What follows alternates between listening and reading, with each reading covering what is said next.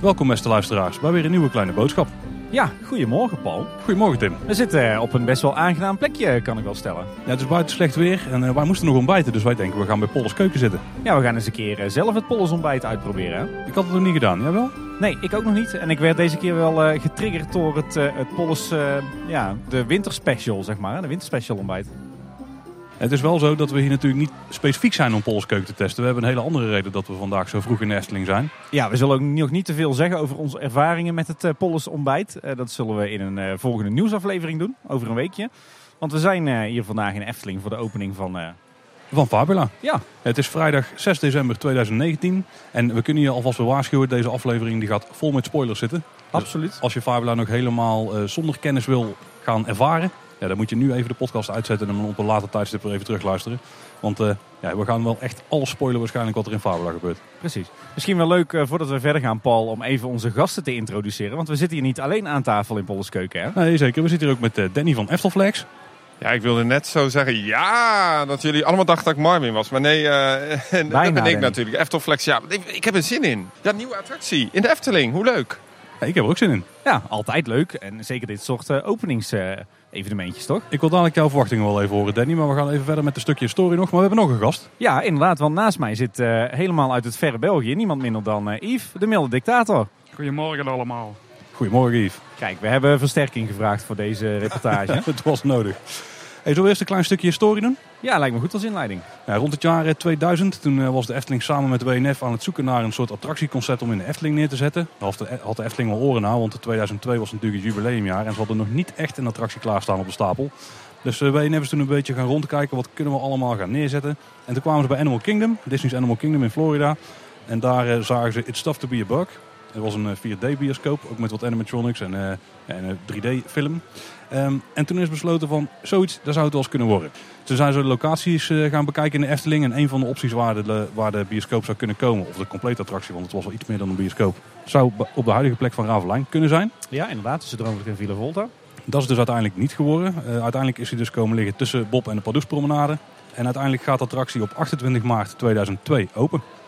Weet jij overigens dat het eh, in eerste instantie ook de bedoeling was om het Efteling Theater op de plek van Pandadroom neer te zetten? Ja, inderdaad ook nog een plek geweest, ja. Ja, Dus nu zitten we met een eh, veredelde bioscoop. Maar met een upgrade. We gaan daar eens kijken. Pandadroom was eigenlijk wel meteen vanaf de opening, of eigenlijk daarvoor al eh, behoorlijk discutabel. Hè? Zeker onder Efteling-liefhebbers. Ja, dat klopt. En dat, dat lag dan vooral, eh, denk ik, aan een paar dingen. Allereerst eh, de samenwerking met het WNF. eh, wat als gevolg had dat, eh, ja, dat er best wel een wijzend vingertje in de film zat. Hè? Het was eh, edutainment, maar ook meteen met een, eh, een beetje negatieve, belerende inslag zou je kunnen zeggen. Eh, er was, eh, WNF had ook behoorlijk wat eh, invloed op de vormgeving van de attractie. Als gevolg daarvan was het, was het lang niet zo sprookjesachtig en verwonderlijk gethematiseerd als we van de Efteling gewend waren, maar veel realistischer. En last but not least, het gebouw was natuurlijk ook een behoorlijke bunker. Hè? Ja, ja, dat is het nog steeds.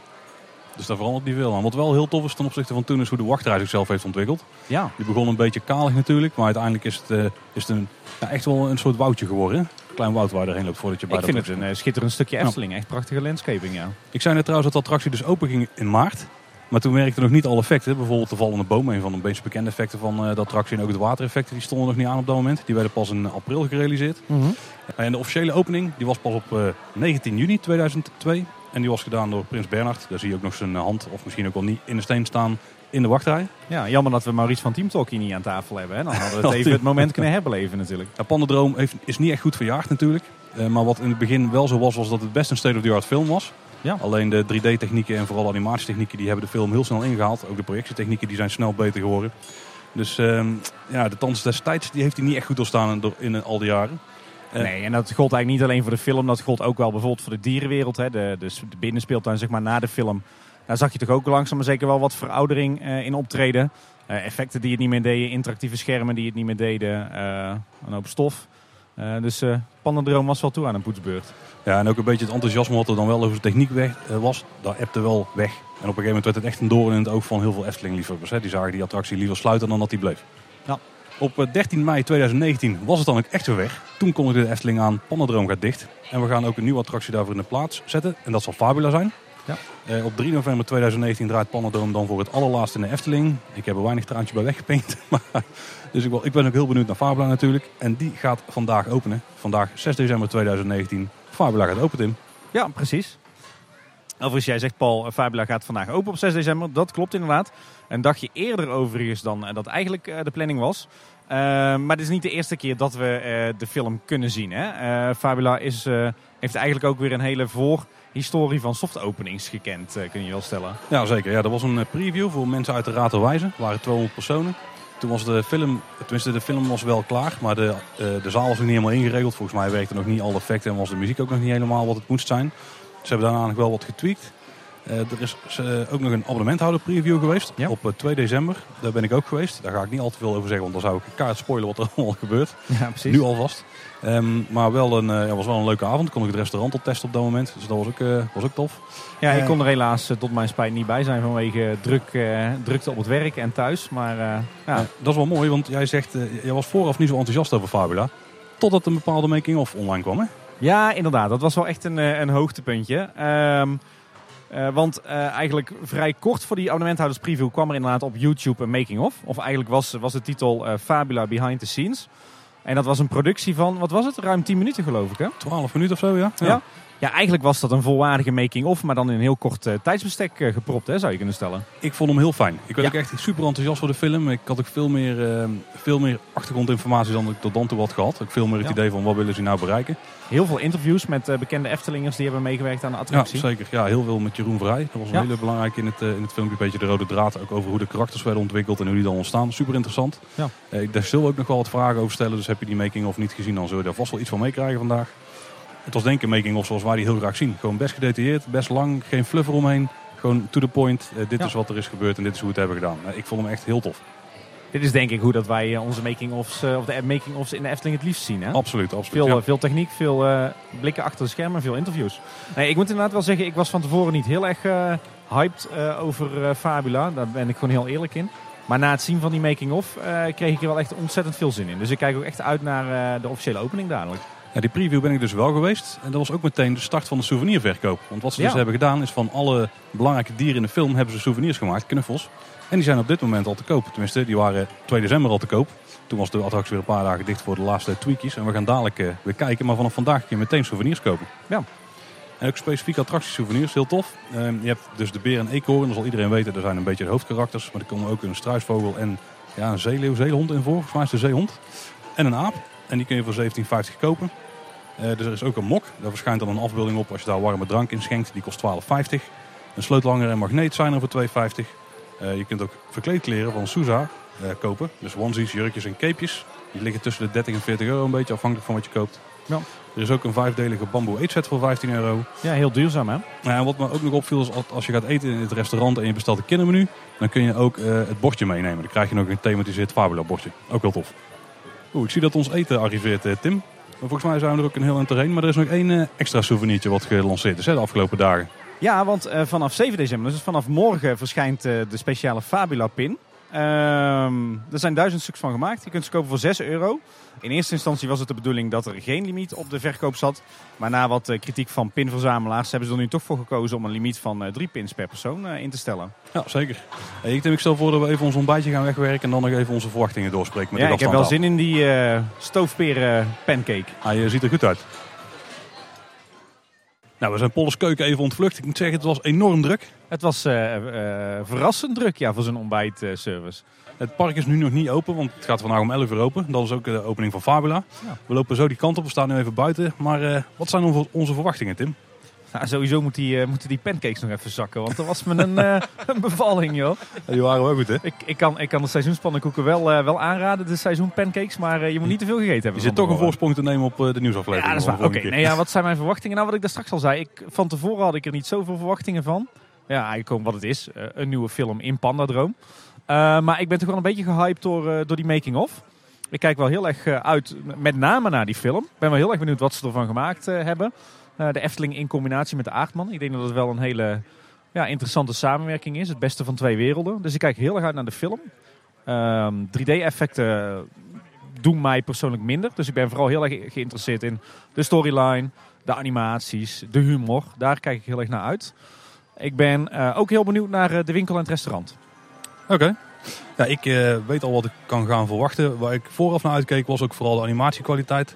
de kwaliteit van het beeld. En is het gewoon leuk? Is het gewoon een leuke ervaring en zit er wat herhalingswaarde in? Want dan miste ik heel erg bij Pandadroom. Ja. Dat zijn eigenlijk de dingen waar ik heel benieuwd naar ben. Ja, ik ben ook wel heel erg benieuwd of het echt, echt een grote verbetering is ten opzichte van Pandadroom. Ja, dat is wel een goeie. Ja. En Danny, wat verwacht jij eh, van Fabula? Ja, ik ben heel benieuwd, omdat ik denk dat ze wel echt met de juiste partijen hebben samengewerkt. Ik was eh, toevallig een aantal weken geleden in Blackpool Pleasure Beach. Daar heb je een dark ride helemaal van eh, eh, Wallace Gromit. Dat is ook van Aardman eh, gemaakt. Ja, dat was wel heel goed gedaan. En die content die ze daar hadden gemaakt, ja, fantastisch. En ik denk dat de Efteling een hele goede keuze heeft gemaakt om een echt professioneel filmbedrijf in te huren. Ik ben vooral heel benieuwd of we de film ooit nog terug gaan zien in andere parken. Want ja, Pandadroom is wel in een aantal parken te zien geweest. Ja, maar dit is echt wel een, een productie die eh, door de Efteling zelf is opgezet. Hè? Eh, dus eh, hij is wel door Aardman verder uitgewerkt in animaties. Maar de hele, de hele verhaallijn en, eh, en de eerste ontwerpen zijn volgens mij van de Efteling zelf. Ja, maar volgens mij Europa Park doet dat toch ook. Hè? Die heeft toch ook eh, 4D-films gemaakt waar eh, uiteraard later te zien was in andere parken. Maar, goed, ja, we kunnen het dadelijk vragen. Ja, ik kan me niet voorstellen dat de Efteling daar aan mee zou willen werken. Maar we kunnen het inderdaad vragen. Ik ben vooral eh, ook heel benieuwd naar de aanpassingen in de zaal. Ik heb er weinig van gezien, dus eh, weet je, jongens, het is koud. Zullen we gewoon gaan? Nou, we hebben ook Yves nog. Ik ben ook heel benieuwd wat Yves ervan vindt. Yves, Yves, wat zijn jouw eh, verwachtingen van eh, Fabula? Nou, ik ga er gewoon met een open geest binnen. Ik eh, verwacht niks wereldschokkend. Ik verwacht inderdaad gewoon een betere film. Eh, afgestemd met betere effecten en een betere totaalervaring zonder het wijzend vingertje. Ja, ik denk dat dat wel overeenkomt met mijn ervaring. Ik denk dat het in die zin eigenlijk sowieso al wel een verbetering is. Wat we dadelijk ook gaan zien of meemaken. Het feit dat we geen samenwerking meer hebben met WNF. Het feit dat we geen wijzend vingertje meer hebben. Het feit dat we van het edutainment af zijn. Ik denk dat dat sowieso al eh, een grote verbetering eh, is. Ik denk het ook. Zullen we eens gaan kijken? Ja, we gaan die kant op. Nou, we zijn alvast naar binnen gelopen. We staan nu eh, in het nieuwe Fabula restaurant in. Wat vinden we ervan? Ik vind het bijzonder fraai geworden eigenlijk. Als je hier binnenloopt heb je nog wel nog steeds dat pandadroomgevoel hè. Qua thema. of ja, ik moet eigenlijk zeggen dat octopusgevoel. Mhm. Ehm, maar er, er is aardig wat veranderd. Hè? Eh, wat voorheen restaurant Octopus was, is nu dus het Fabula restaurant. Valt mij op dat de hele free flow eigenlijk is weggehaald. Hè, dat gebied eh, eh, voor de kassas waar je zelf doorheen kon lopen om je eten te pakken. Mhm. Dat is nu helemaal weggehaald. Het is nu echt weer een, ja, een counterrestaurant. Hè? Weer gewoon ouderwets bij de balie je eten bestellen en afrekenen. Nou ja, jij zegt bij de balie eten bestellen. Maar we hebben natuurlijk nu ook twee bestelzuilen. Ja, ja die staan inderdaad. eigenlijk tegenover de balie. Daar heb je op dit moment twee schermen. Maar het kan goed zijn dat er meer komen, heb ik al ergens gehoord. Ehm, en ja, daar kun je dus je eten bestellen. Ik heb wel gemerkt dat je daar niet je eten kunt customizen. Dus het is gewoon eh, het gerecht kiesje en dat was het. Ja, je kunt wel nog je drankje erbij kiezen en zo natuurlijk. Ja. Maar als jij eh, bijvoorbeeld geen ui of zo in je salade wil, ja, dan heb je pech. Dat kan je denk ik bij de counter wel doen. Maar dan moet je misschien iets langer wachten. En er staan eigenlijk een paar eh, wachtrijen, eh, op, ja, scheidingsobjecten. Die hebben ze een beetje gecreëerd. Waar je langs loopt om je flesje water te halen. Ook souvenir- souvenirs. Kun je daar meteen meenemen. Ja, precies. Het is wel een eh, fusion van eh, eten, eh, drinken en, en souvenirs. Hè? Zowel hier als aan de overkant in de Savannebar. Ja, want aan de andere kant zit inderdaad de savannebar. Dat is dan een koffiebar. En dan kun je volgens mij ook nog een gebakje krijgen. En uiteraard gewoon je frisje en zo. En daar kun je ook alle souvenirs kopen. Daar hebben ze het iets ruimer uitgestald wel. Ja. Maar ik vind het bijzonder leuk geworden. Ik, het is veel ruimtelijker. Het is voor mijn gevoel ook lichter. Hè? Ik had, vond altijd Oct- Octopus wat aan de donkere kant qua restaurant. Ehm, het is ook heel overzichtelijk. Dankzij ook wel die bakken waar, eh, waar je net je drinken kan pakken en je souvenirs... heb je toch ook een soort van eh, natuurlijke geleiding naar de kassa's. Ik vind eh, de achterwand van eh, de, de uitgiftebalie van de, zeg maar de, het Fabula restaurant vind ik ook mooi geworden. De combinatie van geglazuurde tegeltjes in drie, tint, drie of vier tinten blauw en heel veel houtwerk. Ja, en de tegeltjes zijn in een soort schubbenpatroontje. Ja, ja, heel leuk gedaan. Heel fris, wat een beetje wat armaturen, lampen met, eh, met nautische uitstralingen. Heel, veel, eh, heel veel licht erin. Ehm, en ja, het voordeel eh, van deze opzet is dat je niet veel ruimte kwijt bent aan de free flow. Maar dat je eigenlijk op een paar meter van de counter dat het, het binnenterras al begint. Dus volgens mij is het qua zitcapaciteit ook al vooruit gegaan. Nou ja, en wat me op dit moment ook opvalt. En ik weet niet of dat altijd het geval is. Maar het touwtje, wat daar heel lang voor die trapping waarmee je het terras boven kon bereiken. Dat touwtje is weg. Ja, inderdaad. Je mag ook weer, eh, weer boven zitten. Het wordt zelfs gestimuleerd, hè, want er hangt een groot bord met eh, zitplaatsen boven. Ja, en ik zie ook prullenbakken staan. Dus ik denk dat we daar gewoon echt mogen gaan zitten, Tim. Ik denk het wel. Ja. Lang Misschien eh, ook een leuke plek voor ons om een keer op te nemen. Ja. Ja, en verder als je een beetje rondkijkt, ja, dan is het niet zo heel veel veranderd. Het lijkt wel een opfrisbeurtje gehad te hebben, denk ik.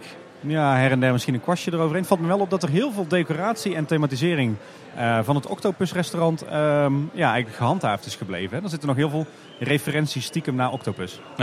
En als we naar boven kijken, dan eh, zijn er een aantal dingen ja, die vallen ons misschien niet helemaal op. Maar ik heb begrepen dat alle lichting is vervangen. Ja, Ook allemaal led, hè? Ja. Valt mij trouwens wel op, eh, nou niet zozeer hier een octopus, maar wel als ik naar de dierenwereld kijk. Want daar zijn de kleuren voor mijn gevoel inderdaad wat eh, intenser en is het ook wat lichter geworden. Mhm. Ja, inderdaad. Ja. Een beetje de Carnaval Festival eh, truc. Ja, absoluut. Ik zie volgens mij ook meer bladerdek in de dierenwereld. Volgens mij is, dat, is het toch wel net wat meer aangekleed. Ja, en wat natuurlijk ook vanaf hier opvalt, is dat de panda weg is. Ja, inderdaad. En de grote wereldbol is trouwens... Nee, die is er niet. Die, die staat er nog steeds. Nee, inderdaad, de, panda is, eh, is eh, eigenlijk omgebouwd naar de beer hè, uit de film. Ja. Met de eekhoorn op zijn kop. Ja, precies. Volgens mij is het dezelfde animatronic en die is gewoon omgebouwd. Het is een slimme manier om het eh, te repurposen. Ja. We zien hier trouwens ook een paar van die souvenirs waar we het net over hadden. hè. Die zien er ook best aardig uit. Ook best Ja, wel gelijkend met, met de dieren uit de film. In tegenstelling tot bijvoorbeeld Pardoes in de eerste lichting na het symbolica openen. Ja, inderdaad. Ik denk dat dit wel gaat lopen hoor. Tenminste, we moeten de film natuurlijk nog gaan zien. Maar ik verwacht dat die wel echt is geschreven om ook de kinderen aan te spreken. Ja, en als, eh, als kinderen enthousiast zijn over zo'n film, dan willen ze natuurlijk ook meteen de knuffels eh, van de figuren in de film. Dus ik denk dat dit wel een succes gaat worden. En met de previews viel het mij al op dat die heel populair waren. En dat er Ja. echt een flinke rij stond bij de, de bar, de Savannah Bar, om daar de souvenirs af te rekenen. Ja. Want die heeft een, een dubbele dienst ook weer. Hè? Hey, zullen we eens even naar de Savannah Bar lopen? Want ik ben wel heel erg benieuwd naar, eh, naar dat concept. Helemaal goed. Het meubilair is trouwens wel gewoon precies hetzelfde. Het zijn dezelfde tafels, dezelfde Ja. stoelen. Ja, inderdaad. De kwallenlampen hangen ook nog gewoon aan het plafond in eh, Octopus. Maar we staan inmiddels bij de Savannah Bar. Eh, verwijst natuurlijk naar de savanne hè, in Afrika. Ehm, dit was voorheen de winkel Mhm. van, van Pandadroom. En het is nu het is, het is volledig omgeturnd. Hè? Ja, de indeling is echt compleet anders. Het enige wat je eigenlijk nog herkent zijn de dierfiguren die er hingen. Dus de kop van de olifant eh, en de giraf. Maar verder, eh, ja, verder is hij wel compleet veranderd. Ja, het is eigenlijk een leuke mengelmoes geworden van enerzijds ehm, ja, koffiebar zou je kunnen zeggen. Een soort eh gedowngrade variant van de Starbucks misschien wel. Ja, ja, ja. Eh, warme dranken zijn er volop te krijgen. Eh, gebak en broodjes zien we nog even niet. Dus nog even afwachten wat we daar eh, te eten gaan krijgen. Misschien dat we het straks kunnen vragen aan iemand van de horeca. Eh, maar daarnaast worden ook eh, souvenirs eh, verkocht. Hè? ja, zeker. En ook hier is trouwens weer gekozen voor echt een, een ouderwets counterconcept. hè? Wat me nu trouwens opvalt, is dat je dus ook souvenirs hebt van de L van Klaas Vaak. Want die heeft natuurlijk Ja. ook een rol in, in het geheel. De, de, eigenlijk de Bosrijk merchandise die wordt hier nu ook verkocht. hè? Ja, precies. Ja. Valt me wel op dat deze hele ruimte nu, zeg maar, je zou kunnen zeggen, het tweede deel van de dierenwereld, dat die een heel stuk ruimtelijker, opener en lichter is geworden. Doordat ze echt een terugtrekkende beweging hebben gemaakt met eh, de balies. En dat je dus veel meer ruimte over hebt om te zitten, om eh, te lopen. Eh, dat is echt wel een verbetering. ja, helemaal mee eens. Ja. Het is wel heel speels ingericht. Je ziet eigenlijk overal in de ruimte zie je ehm, wat kasten staan waar ook nog wat souvenirs in worden verkocht. Eh, natuurlijk de plek waar je je melk en je suiker en je lepeltjes kan halen voor je koffie. Eh, maar ik zie ook her en der nog verspreid in de ruimte wat displays staan met souvenirs erop. Het is een hele speelse ruimte geworden. Misschien de belangrijkste vraag, Tim, voor nu hier. Is het meer Eftelings? Ehm, nee. Het, voor mij is het wat dat betreft, het- ik vind het er kwalitatief wel beter uitzien. Maar ik vind het nog heel erg dicht eh, blijven bij wat Octopus en Panda waren.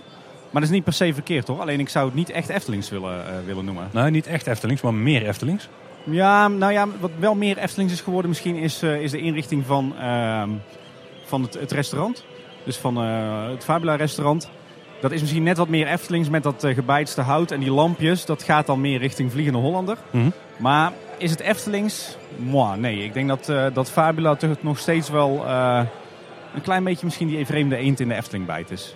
Wat vind jij? Nou, een beetje wel, maar ik vind het wel meer Eftelings dan dat het was. Het voelt iets, eh, het voelt iets warmer aan. Want het was hier wel een beetje stenig met die omgeving ook, zeg Ja. maar. Met eh, vooral de achterwand van de winkel en zo. En dit is nu allemaal hout. Ja. Ik ben wel benieuwd wat dit gaat doen als het heel erg druk is. Natuurlijk eh, zeker de eerste maanden of de eerste jaren van deze attractie. Wat het dan gaat doen met, met de stroom bezoekers die uit Pandadroom en de dierenwereld komen. Of dat dat goed gaat met, met alle terrastafeltjes die hier staan en, eh, en alle displays met souvenirs. Er is, er is niet echt een baan of zo vrijgehouden waar je doorheen kunt lopen. Ja, en een leuk stukje display wat we hier zien, maar dat is denk ik alleen voor de opening, is een beetje de evolutie van eh, de karakters van Fabula. Ja, inderdaad. De staan eerste, uitgestald op ezels. de eerste grove schets van eh, Jeroen Vrij, die we ook in de making-of voorbij zagen komen. En, en dan volgens mij de frames zoals uh, Aardman die gemaakt heeft. Uiteindelijk wel, ja, met nog een tussenstap ertussen. Ja, heel tof. Je waar ik wel benieuwd naar ben, Paul? Nou. Of Sean de Sheep ook een eh, rol heeft in eh, de film. Ik kan je verklappen, Tim, eh, daar hoef je niet zo heel benieuwd aan te zijn. ah, jammer. Daar zijn we thuis wel echt eh, fan van. Oh, oké. Nou, ik, eh, ik denk eh, dat we daar eens gaan kijken naar de opening. Want we Ja. krijgen nog een eh, openingspraatje hier dadelijk. Nou ja, ik, ik vind dit wel. Ik vind eh, eh, dit wat we tot nu toe hebben gezien wel echt een, eh, een verbetering. Wel echt een kwaliteitsslag. Dus ik, eh, ik kijk eh, enthousiast uit naar, eh, naar de film zelf. Zeker. De attractie Fabula is één totaal concept. En dat begint buiten al met de, met de natuurtuin en de meandering. Dan ga je naar de voorshow de grot in, waar, waar je een inleiding krijgt op de film. En de hoofdshow als, als grote attractie.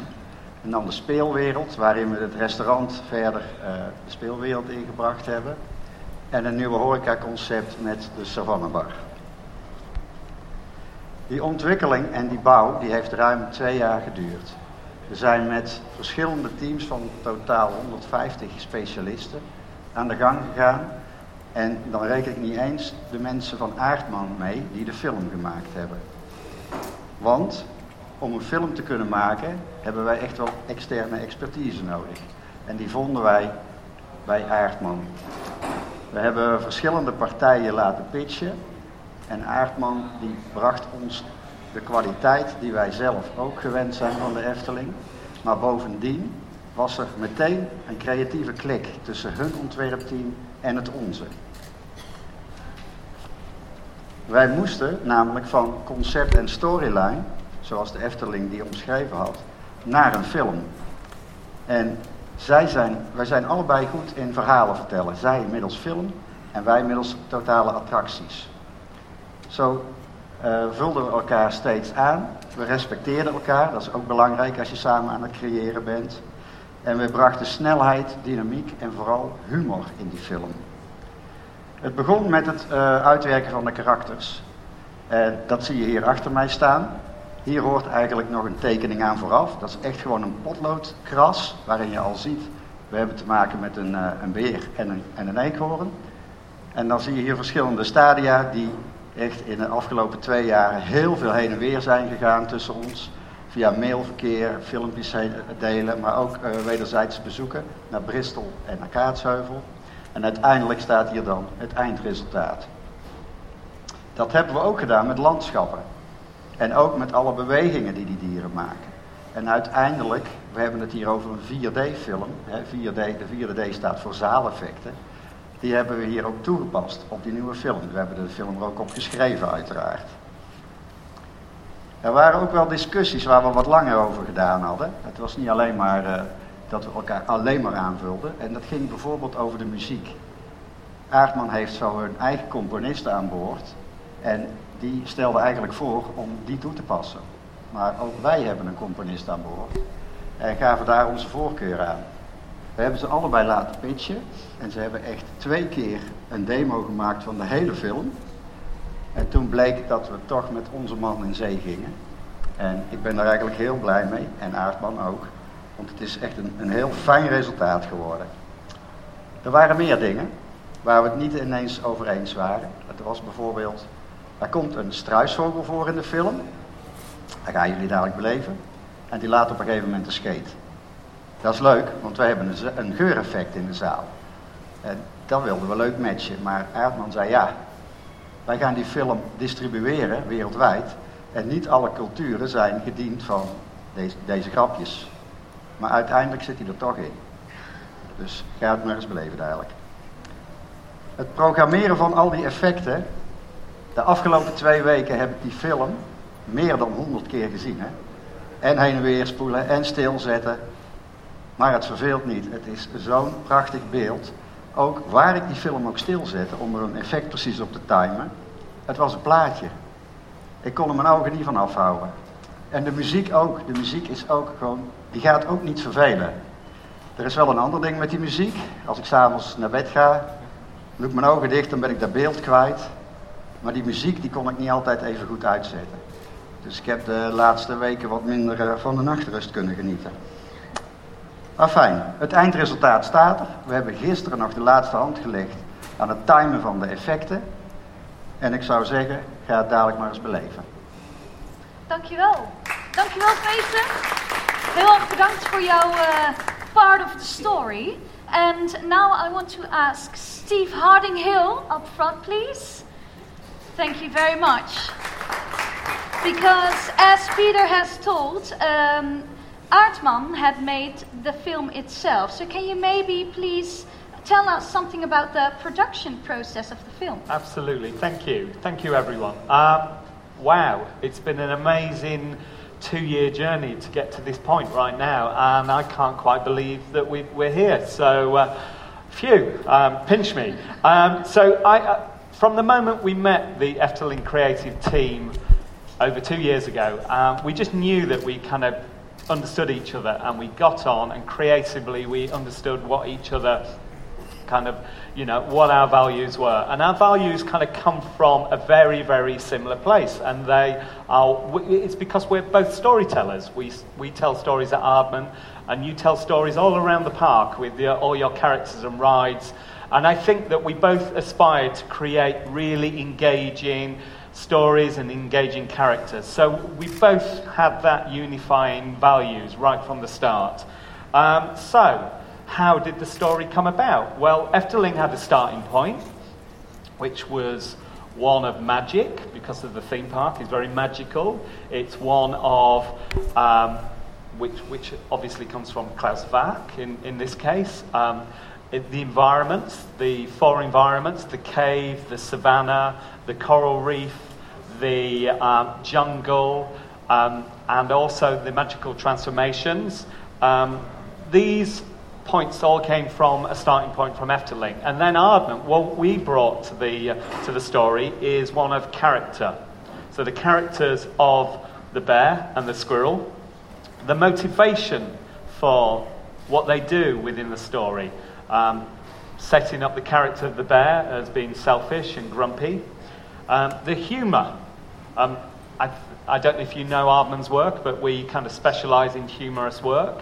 And also, I think we also brought a little bit of um, a very subtle moral to the story as well, that the bear needed to learn something to change. So I think we all came together and we brought all these elements together and we created something that we managed to reduce all these elements down into one simple tagline to, to explain the story. And the story is the bear who wouldn't share. He wouldn't share his cave. He wouldn't share his bed. Um, he's a selfish bear.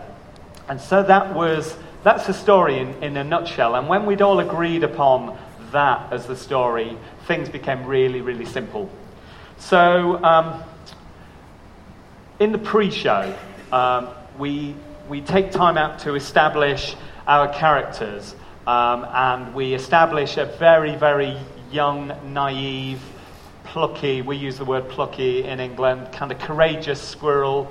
And also, then we take time out to establish uh, the bear who's um, grumpy, he's selfish. He's not a very pleasant bear. So, what the pre show does is it establishes those characters really clearly, and then with the uh, and then the magical incident is where Klaus Vatt decides to teach the bear a lesson. So the, um, the pre show is very important to the story.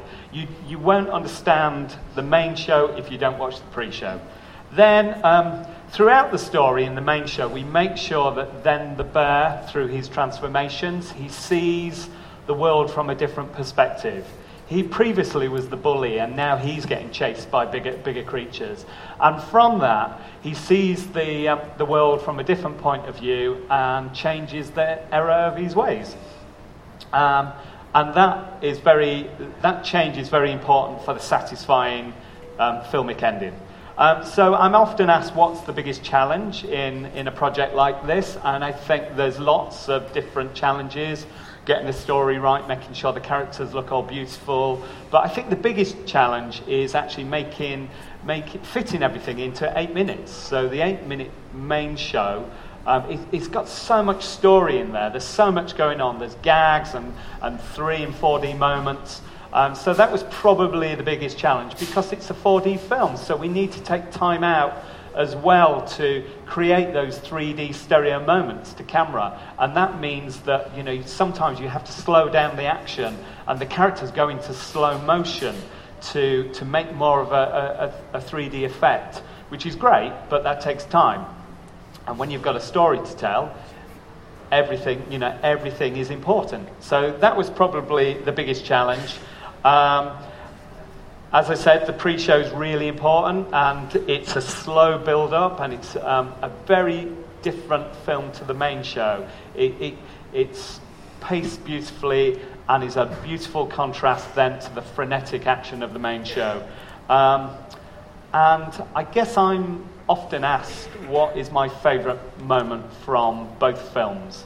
And I love the I love all the scenes, but I think my favourite scene is probably the jungle scene because it's funny, but it's also dramatic.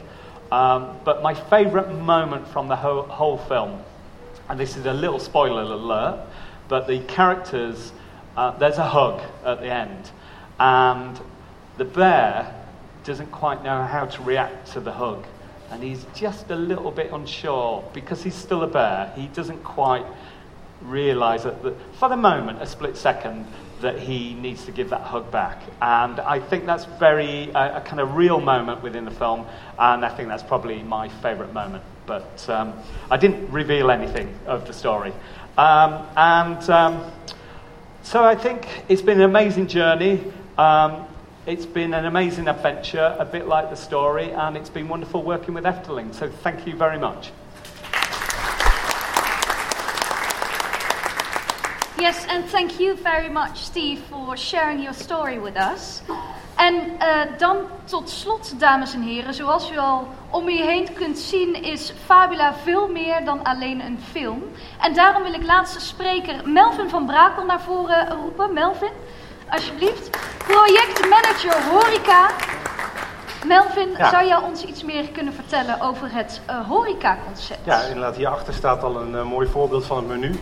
Uh, en uh, allereerst wat geweldig om met jullie allemaal hier deze morgen te, hier te mogen staan in het nieuwe restaurant Fabula. En wat een eer om in het rijtje van Peter en Steve hier wat te mogen vertellen. Um, aan de start van de ontwikkeling van het nieuwe horeca- en merchandise concept waar we nu met elkaar staan, waren er twee belangrijke uitgangspunten. We wilden vooral meer capaciteit voor onze bezoekers realiseren. En dat hebben we uiteindelijk hier voor elkaar gekregen door, je zult het zo meteen zien, veel meer overdekte zitcapaciteit hier te plaatsen. Tweede punt was de vindbaarheid van deze locatie. jullie zijn allemaal hier via de Pardoespromenade naar binnen gekomen. We wilden heel graag de zichtbaarheid verbeteren en zorgen dat restaurant Fabula nog beter vindbaar zou zijn. Um, wat gaaf is om te delen met jullie, denk ik, is dat uh, Peter had het al even over de start van het project. Uh, horeca merchandise en de conceptontwikkeling uh, is ongeveer anderhalf, twee jaar geleden aangehaakt hier binnen. en daarbinnen is het zo geweest dat we eigenlijk op zoek waren vanuit deze prachtige eerste schetsen, de eerste verhaallijnen. Is wat wordt nou het haakje waarbinnen we dit concept van restaurant Fabula, wat het toen natuurlijk nog niet was, met elkaar gaan ontwikkelen. En we hebben toen nagedacht over eigenlijk één centrale conceptgedachte. En die was ga met ons op expeditie door de wereldkeuken en proef de authentieke smaken. Uh, heel hoog over, heel abstract nog wel, maar heeft ons wel in die, uh, die aankomende anderhalf jaar tot twee jaar, totdat we hier staan, echt geholpen om hele belangrijke keuzes te maken en de beste keuzes te maken in de realisatie van restaurant Fabula. Um, kijk om je heen, aan de ene kant de Savannebar en daar uh, achter jullie allemaal de wereldkeuken.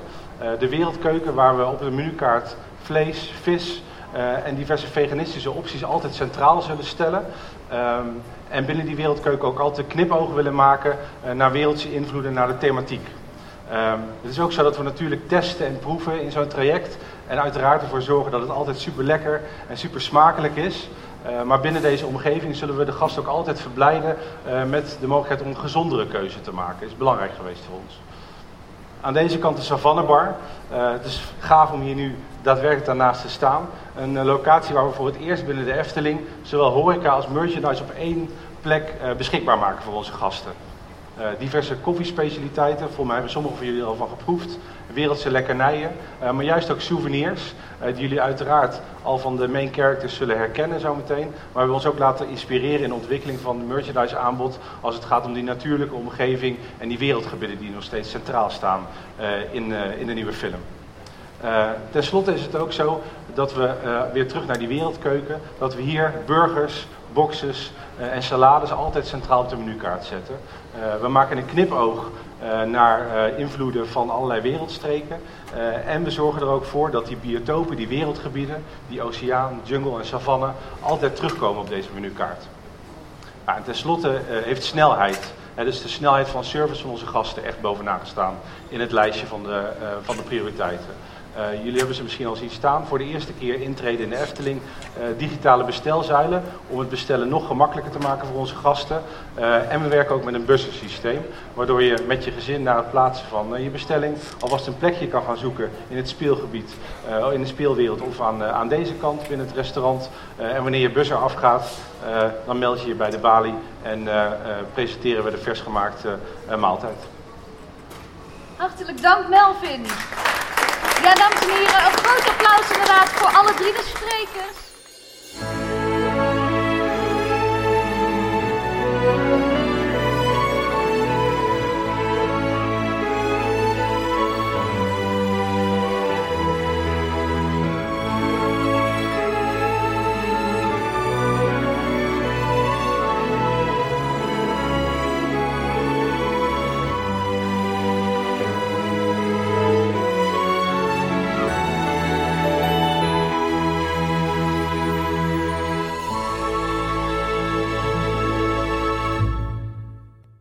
Ja, we zijn inmiddels uh, uit de hoofdshow. We hebben de film voor het eerst gezien. Uh, wat we daar vonden, daar komen we straks op terug. Maar we gaan eerst even wat uh, interviews afnemen.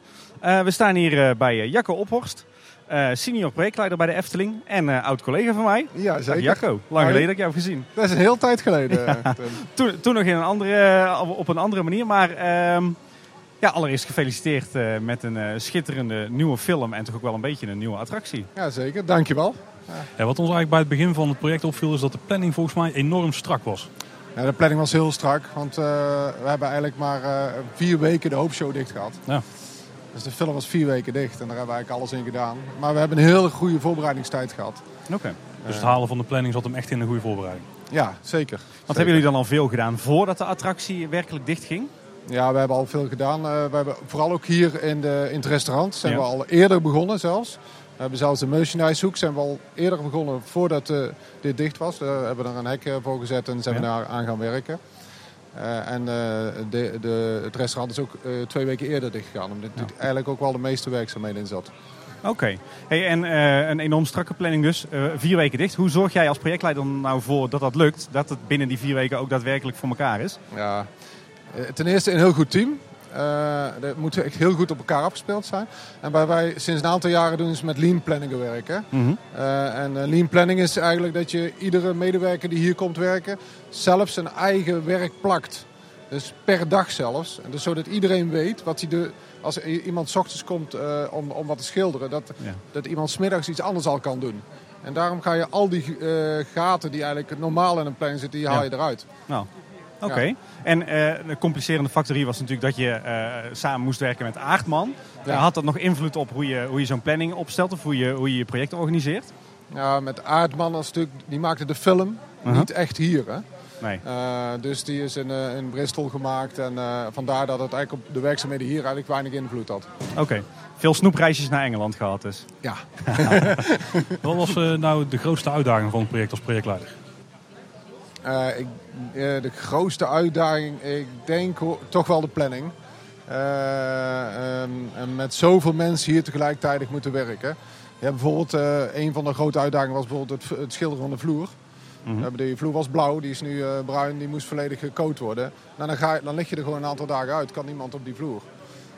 en, dat is, en er zijn tijdens het project ook zaken uh, toegevoegd. Net als uh, de ledverlichting. We hebben alle verlichtingen eruit gehaald en ledverlichting uh, ingebracht. Dus dat was een enorm kawaii.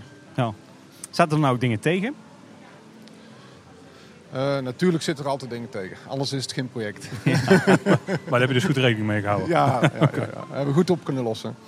Hey Jacke, je bent uh, verantwoordelijk geweest voor uh, ja, toch flink wat attracties in, de, in de Efteling. Hoe was het nou om om verantwoordelijk te zijn voor eigenlijk het maken van een nieuwe 4D-film.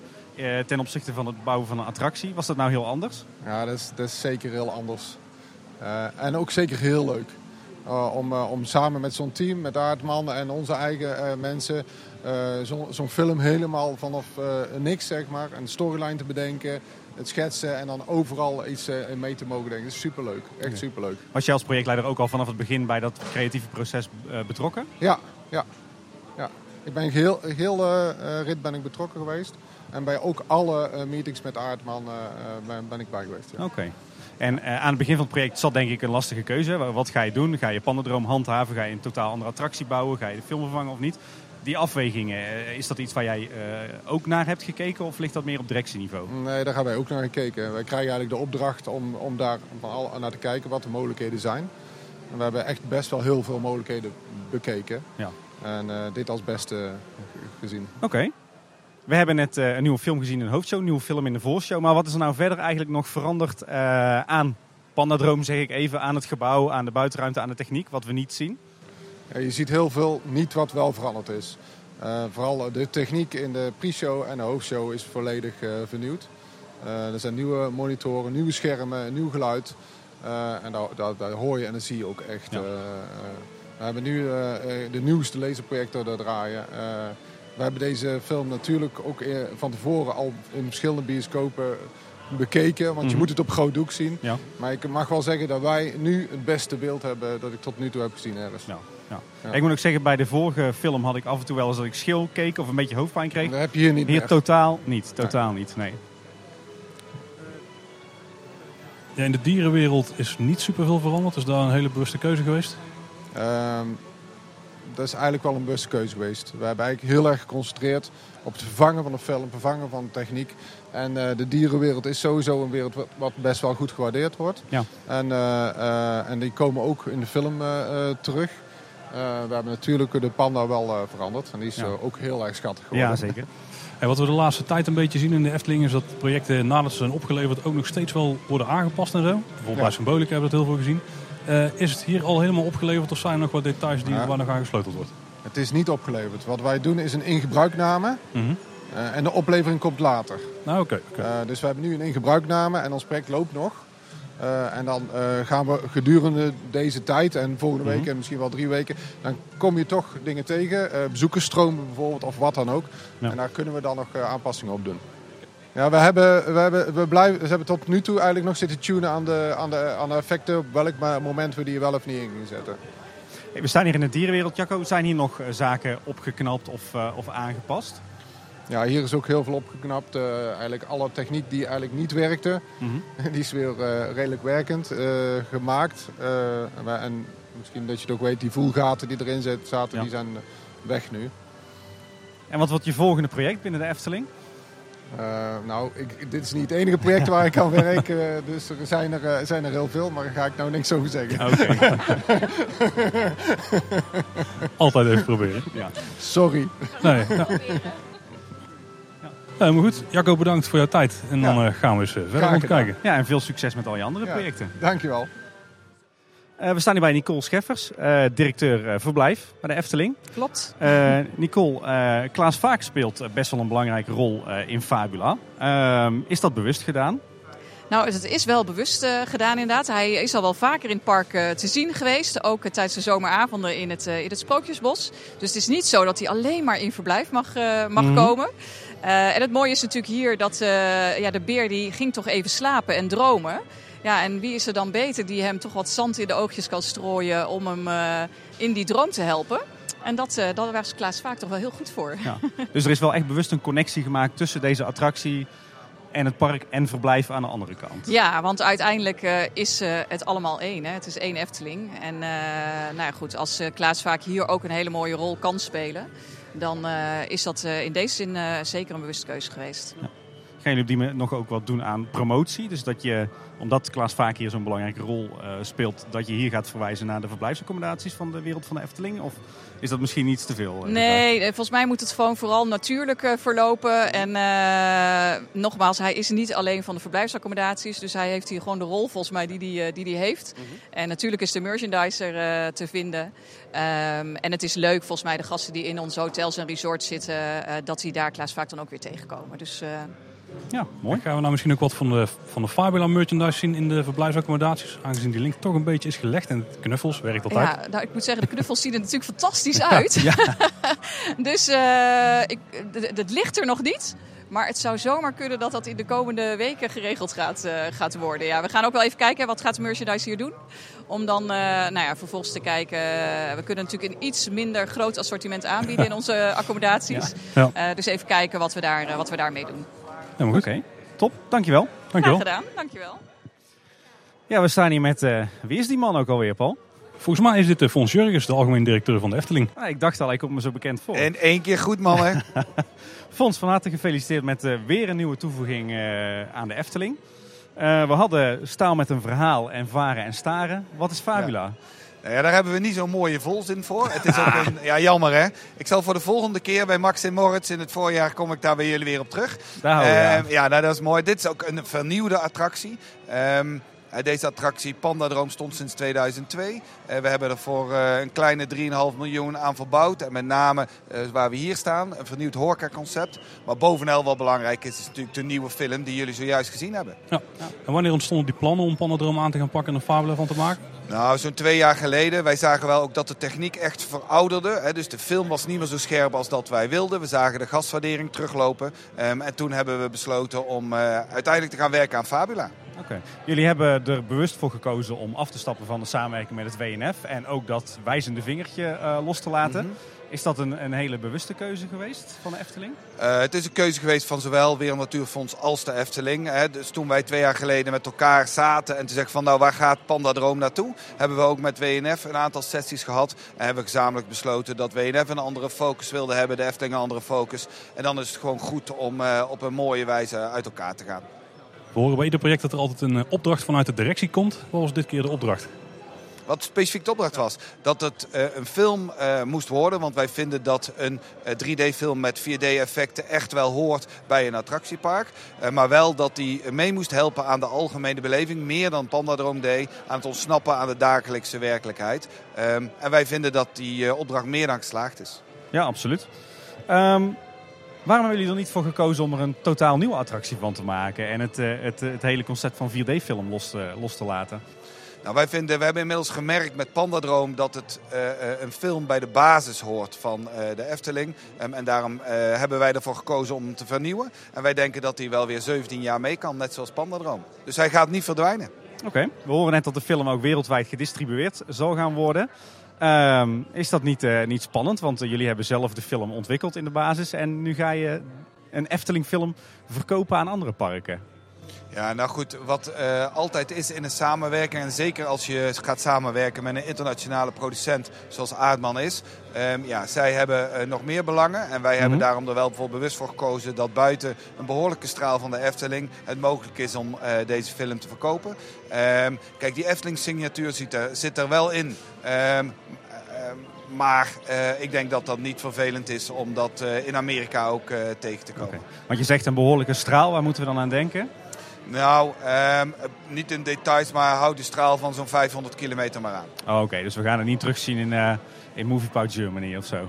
Nou, ik eh, ga er niet vanuit dat, je, dat je hem daar terug gaat zien. Oké. Eh, en de Easter egg, de rode neus. Ja. Gaan we die dan ook wereldwijd terugzien? Of eh wordt Wat ons betreft uitgeknipt? Ah, tof. Helemaal goed.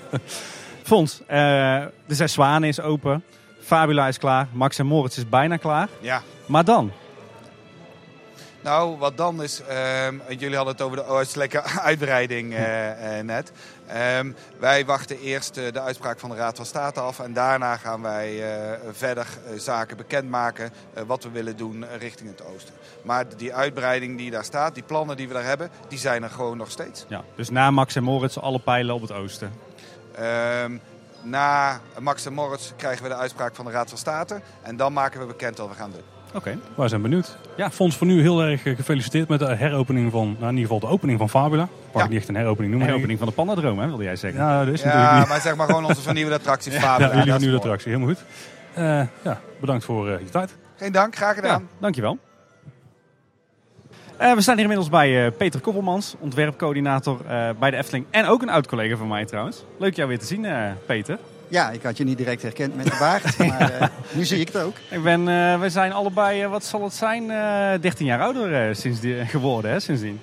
Nou, bij mij is het niet zo hard gegaan hoor. Ik zal even niks zeggen. hey Peter van harte gefeliciteerd met, met weer een mooie toevoeging aan het, het aanbod van de Efteling. Ehm, je was ook nauw betrokken bij de bouw van Pandadroom in 2002, dat weten we nog. Hoe voelt het nou eigenlijk om die attractie te moeten afbreken, tussen aanhalingstekens? Nou, ik heb het zeker niet gevoeld als afbreken, maar echt als verbeteren. En ik, we waren er ook aan toe, weet je. Ehm, de film heeft lang gedraaid. De filmtechniek, maar ook de geluidstechniek, die was echt aan verbetering toe. En we hebben nu eh, de latest standard van eh, rondom eh, geluid en eh, laserprojectoren binnen staan. Eh, dat geeft ook een fantastisch beeld. Ja, ziet er strak uit, ja. Eh, wat was eigenlijk het belangrijkste uitgangspunt van het project qua film? Want vroeger hadden we een beetje het wijzend vingertje, nu is het volgens mij meer plezier. Was dat ook echt het doel? Precies dat. Wij wilden geen wijzend vingertje meer inzetten, maar mensen moeten gewoon met een brede glimlach die trap afkomen. En toch zit er nog een mooi moraaltje in eh, verpakt. Eh, ja, dat is, dat is allemaal veel minder zwaar dan eh, voorheen. Zoals een goed sprookje eigenlijk, hè? Ja, zo, inderdaad, zoals een goed sprookje. Wat was nou creatief de allergrootste uitdaging? Oh, eh, misschien wel om bestaande goede elementen te verenigen met een nieuwe film. Ja, ja, want de dierenwereld die is inderdaad niet heel veel aangepast. En ik zag heel veel dieren die daarin rondzwerven, die zag ik ook terug in de film. Dus dat was heel bewust. Ja, dat klopt. We hebben natuurlijk in de speelwereld, eh, inmiddels heet het speelwereld, Oh, de speelwereld. Ja. Moeten we aan wennen, Tim? Ja, inderdaad. hebben we animatronics staan uit de vorige attractie. En die hebben we nu een goede bijrol gegeven in de film. Ja, zeker. En daarnaast hebben we de hoofdpersoon uit de film, de beer en de eekhoorn, een goede plek gegeven in de, in de speelwereld. Want was dat echt in jullie opdracht eh, zeg maar het startpunt van we willen zoveel mogelijk behouden in eh, de speelwereld eh, aan animatronics en thema, dus de film moet zich daaraan aanpassen? Ah, we, zijn, we, we beginnen met luchtfietsen eerst. Hè? We hebben een groot gebouw en daar kunnen we van alles in doen.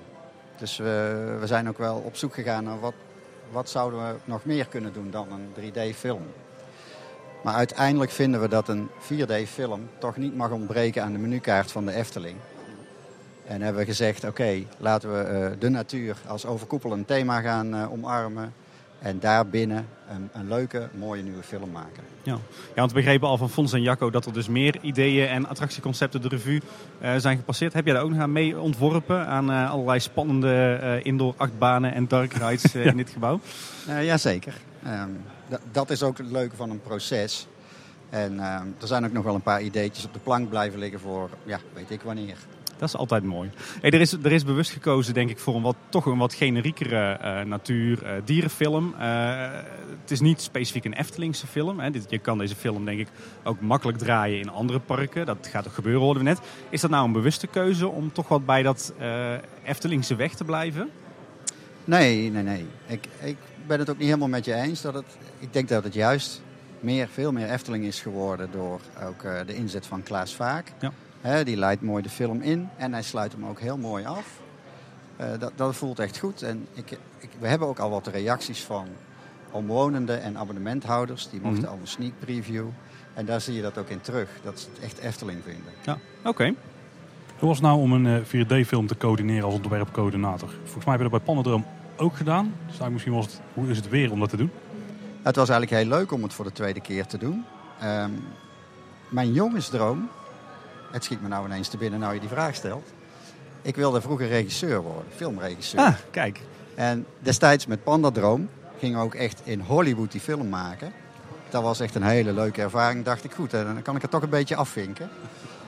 Maar en nu, nu heb ik eigenlijk nog veel dichter op gezeten. Ik- er is geen beeldje gepasseerd waar we, waar we niet beoordeeld hebben. En ja, zet ik er nog een keer een vinkje achter. Het was gewoon hartstikke leuk zo. Ja. Maar dat ligt ook aan de partij Aardman. Aan de samenwerking, aan het respect eh, naar elkaar. Hè, met ons ontwerpteam en, en hun ontwerpteam. Steve is dan hier eh, vanavond en die zal dat ook beamen. Het, ik zou eigenlijk eh, zo een tweede film willen maken. Ik denk dat ik dat ook ga voorstellen aan de rest. nou, ik geloof dat Aardman toch ambities heeft om groot te worden in de themaparkwereld. Dus misschien eh, dat je daar nog wat in kan betekenen. Peter. ja, wie weet, het is voor hun een nieuwe markt. Je kent de weg in de wereld, toch? Hey, ehm, want inderdaad wilde ik het ook nog even over hebben. Normaal gezien, eh, een producent als Aardman, die maakt eigenlijk van A tot Z zijn films en zijn tv-series. Hier hebben jullie als Efteling eigenlijk in eigen huis een heel groot deel van het verhaal, het, de, de storyline, de karakters ontwikkeld. eh, om het daarna verder te laten uitwerken door Aardman. Was dat niet heel erg wennen voor jullie en voor Aardman? Nou nee, voor ons niet, want we hadden gewoon een professionele partij nodig die films maken. Door, wij, wij maken attracties en de film is dan in deze een eh, hoofdonderdeel van attractie Fabula. Eh, daar hadden we echt wel een professionele partij voor nodig die van onze storyline, van onze characters, een goede film ging maken. Daarnaast eh, hadden wij natuurlijk veel kaas gegeten van 4D, hè, de zaaleffecten. Ja. Eh, daar hebben wij ze ook wel weer in kunnen helpen. Ja, want, want waarom hebben jullie niet gezegd van nou, we, we gooien de opdracht over de schutting naar Aardman en eh, doen jullie het maar zelf? Nee, dit is echt het beste van twee werelden. Ja, denk ik ook wel. Ehm, er is ook heel veel gebeurd in de horeca en in de merchandise. We, we zien toch ja, twee nieuwe restaurants, kunnen we denk ik wel zeggen. Hadden jullie daar ook nog een belangrijke rol in als ontwerpteam? Ja, in die zin. Het gaat om wat de gast beleeft. En alles rondom eten en drinken, daar hebben we de- onze specialist Melvin voor aan boord. Mhm. Maar wat er, ja, wat er te zien, te ruiken en te voelen is, dat, eh, daar gaan wij ook over. Dus samen met Melvin hebben we een nieuw horeca-concept neergezet. Ja, mooi. En eh, even een klein vraagje van mij. Wie kwam op de easter egg van de Rode Neus? Nou, weet je Tim, ik zou het eigenlijk niet meer weten. En dat is ook als je in een team werkt, dan doet het er niet zo toe wie nou dat, dat goede idee had. Maar op een gegeven moment kwam dat idee op tafel. En ik liet dat aan Aardman, ik liet aan Aardman zien wat Carnaval Festival was. En toen waren ze gewoon meteen om. Het was, het was voor mij wel het hoogtepuntje van de film, hoor, moet ik zeggen. Maar het is wel een spoiler. Ja, maar daar hebben we voor gewaarschuwd aan het begin van de aflevering. Oké. Wat is nou zelf je favoriete scène? Oh, mijn favoriete scène. Ehm, in de tijd dat wij de pitches voor de muziek gingen doen, keken we naar een, ehm, een half beeld, zeg maar. En René Merkelbach, die uiteindelijk de muziek gemaakt heeft voor deze film, die had in zijn tweede pitch de muziek zitten zoals die nu te horen is. Aan het, aan het einde van de film is er een scène waarbij de, de beer en de eekhoorn gered worden door een vortex-effect. En ik kreeg echt kippenvel. En eh, nu, nu in het theater, met die nieuwe geluidsinstallatie, is dat, is dat nog steeds zo. Eh, nou, ik denk dat ik wel mag stellen, Fabula was echt weer jouw kindje, toch Peter? Wat, ja, ik heb, eigenlijk heb ik hem dooropgevoed nu. wat, wat wordt je volgende kindje? Goed, ik ben met verschillende projecten bezig. Eh, ik stap maandag in een eh, upgrade van een scène in Symbolica. Ja, daar weten we inmiddels ja, wel meer ja, van. ja, Ja, ja, ja, ben heel benieuwd. En we zijn ook bezig met de ontwikkeling van een horecaplein. Ik ben heel benieuwd. Tim. Klinkt goed. Ja, horecapleinen zijn we altijd voor. Hè? Dus eh, genoeg nieuws te volgen voor onze komende Precies. tijd ook weer. Hey Peter, hartstikke bedankt en gefeliciteerd met het openen van eh Fabula. Ja, schitterend resultaat. Ja. Eh, we staan hier inmiddels bij eh, Steve Harding Hill, eh, creatief directeur van Aardman. Dus eh, we gaan even over eh, in English, eh, Paul. Yes, hi Steve. Uh, before we start with everything about Fabula, uh, when was the first time that you visited Efteling? Um, we visited Efteling, I would say, just under three years ago for the first time. I'd heard about Efteling. I'd heard about Efteling from my actual, from my own mother, who visited the park over 60 years ago. Um, but the first time, yes, would be January three years ago. Okay. When when were you contacted by the Efteling and with what kind then, of question? Round Then, about okay. then, and just saying, you know, we've got this uh, this uh, attraction that that we want to develop a new film for. W- would you like to come and pitch on that? So we we presented ideas along with other companies as well. So And how was it working together with Efteling it's on been this amazing. project? Yeah? Yeah, it's been really, really, uh, and uh, I can see that the the. Uh, you know, all the everyone who works here is like one big family, and uh, Ardman too. We, you know, we're kind of uh, we've a similar kind of family values, and um, and you know, obviously, you know, we like to think we're creative, and Efteling certainly is. So it felt like there was an, uh, an uh, affinity right from the start when we met. It was really good. Okay. I guess normally uh, when you work on a film or a, a, TV show, you develop it from right from the start, from the first uh, sketch until the end. Uh, in this case, uh, Efteling uh, developed a lot, and they already had uh, their characters and the storyline. What was it like for you to work on that concept? Well, they had characters and a storyline, but we helped them kind of tell it in a slightly different way. So, I mean, you know, we work on all sorts of types of work where we come up with the idea. We also work on the kind of jobs where we're told exactly what to do and we just make it. And actually, you know, more sort of work for hire commercial work. And and actually, this was somewhere in the middle. You know, Efteling already had an existing attraction and they had ideas for a story, and we suggested ways that they could kind of you know you know ways of, of improving that story, and they really really like that approach. So I think it was an unusual um, process, but actually worked really well. Yeah, but you had to really blend two creative teams. Yes. Yeah, but but we knew what the deal was. We knew that Efteling and them their values and the kind of sense of magic, and um, and also we knew that actually uh, they'd got lots of existing characters they wanted to incorporate yeah. into uh, the story, but sometimes it's a gift. You know, when, when they turn around and said, we'd like to in- include the orangutan yeah. in the story, and actually that was much later on than the other animals.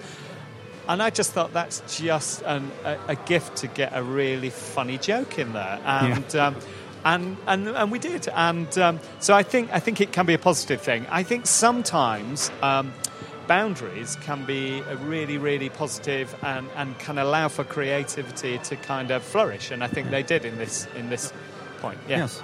Talking about, about uh, characters, where is Shaun the Sheep? Where is Shaun the Sheep? Yeah. That's a really good. Hit. Well, Shaun the Sheep is is everywhere else, but not at Efteling at the ah, moment. No. So disappointing. Yeah, yeah. Are there any Easter eggs in the movie?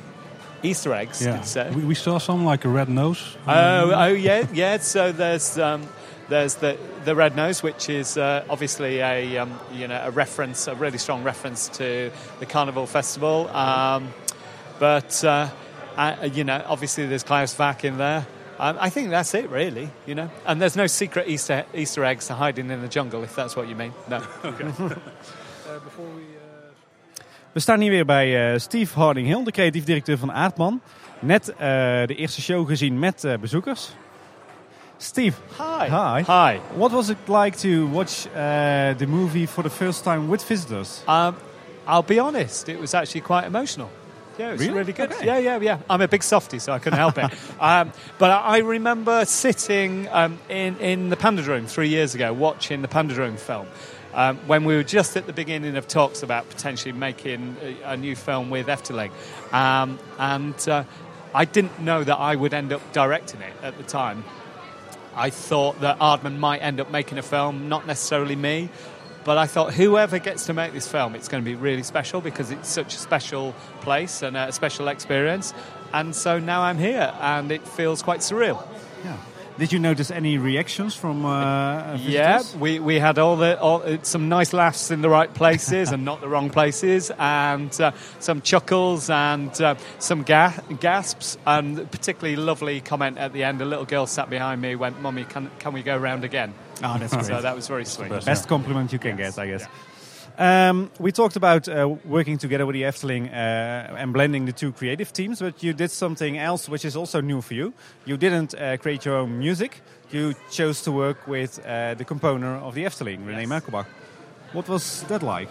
It was amazing um, because René it, it, was. I, I, was really keen that, that although the, the, attraction is in Efteling, that the, the music really felt authentic to, to the film and felt like a proper filmic score. And René totally, totally stepped up to the mark and, and worked with us and, and the guys at Efteling and just created the most stunning soundtrack. And I, I think, you know, of, of all my favourite things in the film, I think the music is right up there. I think it's amazing yeah, I guess uh, I think we can agree with yes. that. Uh, yeah. Is there a particular moment in the movie that you really like, uh, music-wise? Um, gosh, music-wise, I think probably. I mean, it, it, it couples with my favourite moment of the, of the film, where where where the, the two characters come together at the end. Yeah, I think and, I agree on that. Yeah. And that big swelling kind of sweeping music. It's there to really. I mean, the music's there to to help you tell you how to feel as you're watching it, and it really do, is an emotional moment. So I think probably that. Although I love the the, uh, the music in the jungle, you know, with the swinging sequence, it's really fun, and that tune just gets stuck in your head and goes and won't leave for hours. Is there any anything typical Aardman about Fabula? Um, I think the characterization, the um, the detail uh, in the story, the detail within the world, um, the the quality of the animation and the performances. Because you know it might look a little bit different from the Aardman project. It's not in stop motion. Um, the characters don't have two eyes that are, are close together. You know. Um, but at the same time, it's definitely got our sensibility. Um, it, it's, it, you know, it's a real kind of comedic performance piece. So I think it definitely is a Yeah. Aardman film. That's where it's come from. It's you know, it's come from Aardman. Although you know, the, what's nice about it is it's different, and that's because of our partners here, Efteling. You know. They, we put the magic of Efteling in there as well, so I think it's a nice kind of crossover between the two companies. We read you have uh, strong ambitions to grow in the theme park world. Uh, was this the first step? Uh, so this is our first 4D cinema experience, but um, we'd like to do more. I mean, you know, we love to work with Efteling again if they'd ever love to work with us. Um, but you know, we also work in, you know, we do. Um, um, dark rides already. We've created one dark ride in Blackpool in England. We've created attractions in Japan, in in Sweden. So we already you know, got a firm foot within the theme park world. And what are your plans uh, for the future on that level? We'd like to do more. of course. Please. Build your own theme park? Um, oh, I don't know about building a, a, our own theme park, but certainly, you know, partnering, you know, o- other theme parks and, and, you know, just we just like making films and telling stories and creating characters. And, you know, if people want uh, would like to work with us, we'd like to work with them. Was there a big technical challenge within the movie? A, sp- a specific uh, scene, maybe? Um, it was all. I mean, the whole thing was as technical as each other. I mean, even the simplicity of the pre-show, because it's only in 2D, but because it's across three screens, just laying out the action so that you had time to scan your your eyes from left to the middle, then to then to the right. It's almost like watching a tennis match, and and so that was that was. Um, kind of complex to choreograph. But then, of course, you know, the stereo in the main film, the 3D-ness, that was a technical challenge in itself, you know. Um, lots of many different technical challenges, down to, you know, how much fur you put on the animals, because if you, the more fur and texture you put on the characters, the longer then it takes to render. Oh, yeah. So, so we have to be quite economical in terms of the stylization and the detail on there, but at the same time, we want to produce something that looks really rich and luscious and actually looks like even though it's a short film something that looks like feature feature film quality Yeah. yeah Yeah, it looks very good. Something completely different. I know you stayed in Bosrijk for quite Oh, a yes, while. yeah. What was that like? Uh, well, I've been lucky because I'm I've visited Efteling many times, and I've kind of we, we I've worked my way around the park, and and and. Uh, this week I'm, I've stayed at Bosrijk and it's really magical. Especially uh, yesterday it was really misty and very very um, cold and and yes, so Bosrijk felt very very um, very European, very magical. Yeah, very special. Okay, uh, we would like to thank you for it, for your time and compliment you on uh, the result. Thank you very much. It's been a pleasure. Nice and we, speaking. ho- we hope you uh, you get a lot more work in the leisure world because uh, this uh, this was great. Excellent. Thank you so much. That's Thank you. really appreciated. Thank you. Eh, we staan hier inmiddels bij eh, Melvin van Brakel, projectmanager horeca van de Efteling. Eh, Melvin, gefeliciteerd met een eh, totaal nieuw eh, gebied eigenlijk. Hè? Ik wilde zeggen restaurant, maar het is meer dan dat. Ja, eh, eh, hartelijk dank. Superleuk dat jullie er zijn. Eh, en eh, het is inderdaad een heel nieuw eh, concept. Restaurant Fabula is eh, ja, horeca en merchandise in één. En we zijn heel trots eh, dat we dit tegelijkertijd met de vernieuwing van de film eh, beter hebben kunnen pakken. Ja. ja, want waarom hebben jullie nu gekozen voor zo'n grootschalige aanpak van horeca en merchandise? Waren jullie ontevreden over de oude concepten hier? Of, eh, Nou, wanneer we het onze bezoeker en onze, dus onze gast vroegen, dan kregen we hier best wel wat opmerkingen over. En dat is ook de belangrijkste reden geweest dat we eigenlijk direct de handen qua ehm, nou, zeg maar attractie, horeca en merchandise in één hebben geslagen.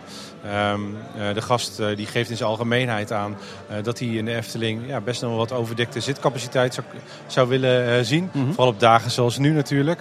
Nou, dat hebben we direct beetgepakt. En een belangrijk ding is dat we ons dinermoment hebben verbreed. Polles Keuken, Wapen van Ravelijn. Het allemaal mooie concepten. Eh, maar daarnaast miste de gast ook een ja, wat meer wereldse invloed. Wat gezondere keuze soms. En ik denk dat we erin geslaagd zijn om dat, ja, al die zaken hier direct beet te pakken. Ja, en dat heel tof dat het aanbod is verbreed. Kun je er wat meer over vertellen? Wat zijn onderdelen van het aanbod nu?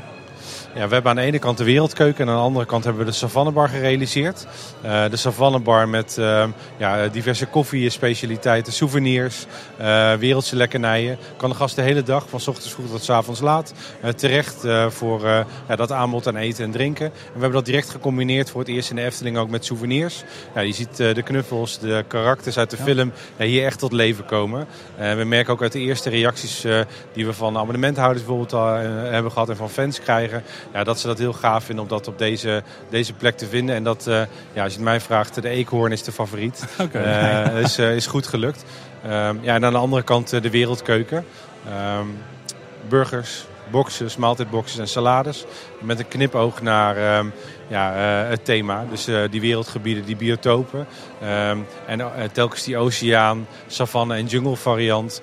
die we ja, hier terug laten komen om een soort van het verhaal ja, sluitend te maken. En compleet aan te laten sluiten bij ja, de film van Fabula. Ik denk dat je net al een kleine hint gaf, maar we hebben hier een splitsing van de horeca. We hebben de bar en we hebben het restaurant. Ja. Waarom die tweedeling? Waarom kun je koffie niet halen bij het restaurant? Nou, we hebben ehm, eh, die capaciteitsverhoging die ik straks al even benoemde. eh, die zit aan in ja, het creëren van extra overdekte zitcapaciteit. Het werken met eh, bestelzuilen, buzzers, om zo sneller te werken. Ehm, maar als we ja, een beetje naar onze data, naar onze cijfertjes keken... dan zagen we dat die, die momenten van dat diner, die lunch... zowel voor onze nationale als internationale gast... als de aankoop van souvenir en koffie... wat hier natuurlijk bij de Savannebar vooral centraal staat... Ja, dat we het meest, de meeste capaciteit voor onze bezoekers zouden kunnen realiseren. Ehm, ehm, wanneer we eh, dat ja, los van elkaar zouden trekken. Ehm, ja, en ik denk dat het eh, ja, op een goede manier gelukt is. Dus alles heeft te maken met ja, het creëren van zoveel mogelijk aanbod voor onze bezoeker. Ja, nou, heel tof. Maar waar is de verse pasta gebleven? Een van mijn persoonlijke favorieten. Ja, er is nog steeds pasta. Hè? Oh, Eh, dus en ik, ga hem, ik ga hem graag straks met je eten. Eh, zeker weten. Wat heel leuk is, we hebben het, het gommenu voor de kleine avonturiers. Daar zit een gezondere keuze in, maar ook een lekker burgertje. Maar er zit ook een pastaatje in. Ehm, eh, en aan de andere kant hebben we binnen die maaltijdboxen...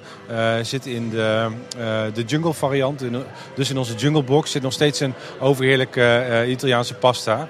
Dus je kan je lol nog steeds op, Klink- zeker klinkt weten. goed, klinkt goed. Niet te missen. Heb je een persoonlijke favoriet op het menu?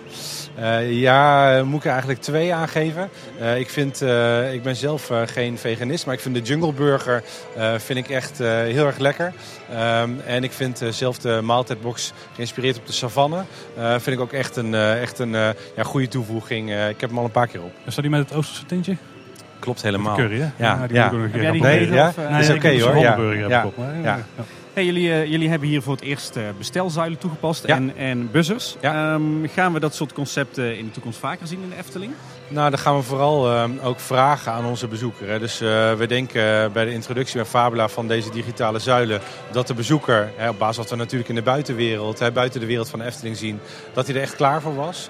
Dus ik denk dat het echt op het juiste moment eh, dat we het hebben geïntroduceerd. Ook als je nu eh, kijkt, zie je natuurlijk die struisvogel. Dus qua animaties hebben we het ook Eftelings Ja, gemaakt. leuk, Daar zijn we heel trots op.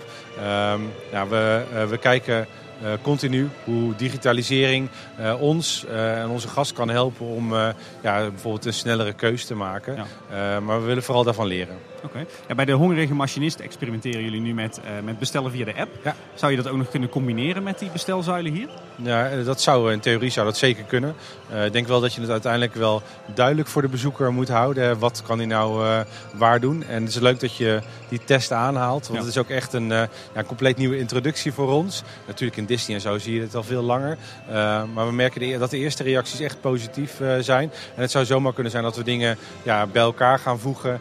Ehm, maar we willen het vooral wel overzichtelijk en Ja. duidelijk, eh, duidelijk houden. Maar die, ja, zeg maar die digitaliseringsslag, ja, juist om het eenvoudiger, sneller, gemakkelijker te maken. Ja, die zul je zeker in de toekomst Ja. vaker terug gaan zien. Oké. We zien hier ook eh, in de Savannebar heel wat lekkere taartjes en gebakjes en koekjes en Ja, zo. goed ziet het eruit, Ja, hè? Ja. precies. Wa- wa- Wat, is hier het aanbod eh, qua, eh, qua lekkernijen, zeg maar? Ja, we, we hebben koffiespecialiteiten waarin we in het aanbod ook echt een, mooie knipoog geven weer naar de film. Zie de Jungle Brul bijvoorbeeld als mooi voorbeeld als koffiespecialiteit. Ehm, eh, maar ook in de zoete lekkernijen. Eh, we zijn eh, hier eh, overgestapt van ja, de wat klassiekere gebakjes die we Mhm. links en rechts in de Efteling bieden. Die ook worden gewaardeerd, maar naar weer meer ja, wereldse taarten Ja. eh, die je hier in de vitrine ziet liggen. Ehm, ja, en uiteraard zitten links en rechts met, eh, met onze apencake en eh, de, de, de donut eh, met, eh, met print, met eh, safari print. Eh, Al Ja. een knipoog richting, eh, eh, richting de film natuurlijk. Dus eh, eh, uiteraard ook een eh, fijne plek zeg maar, om eh, te zijn.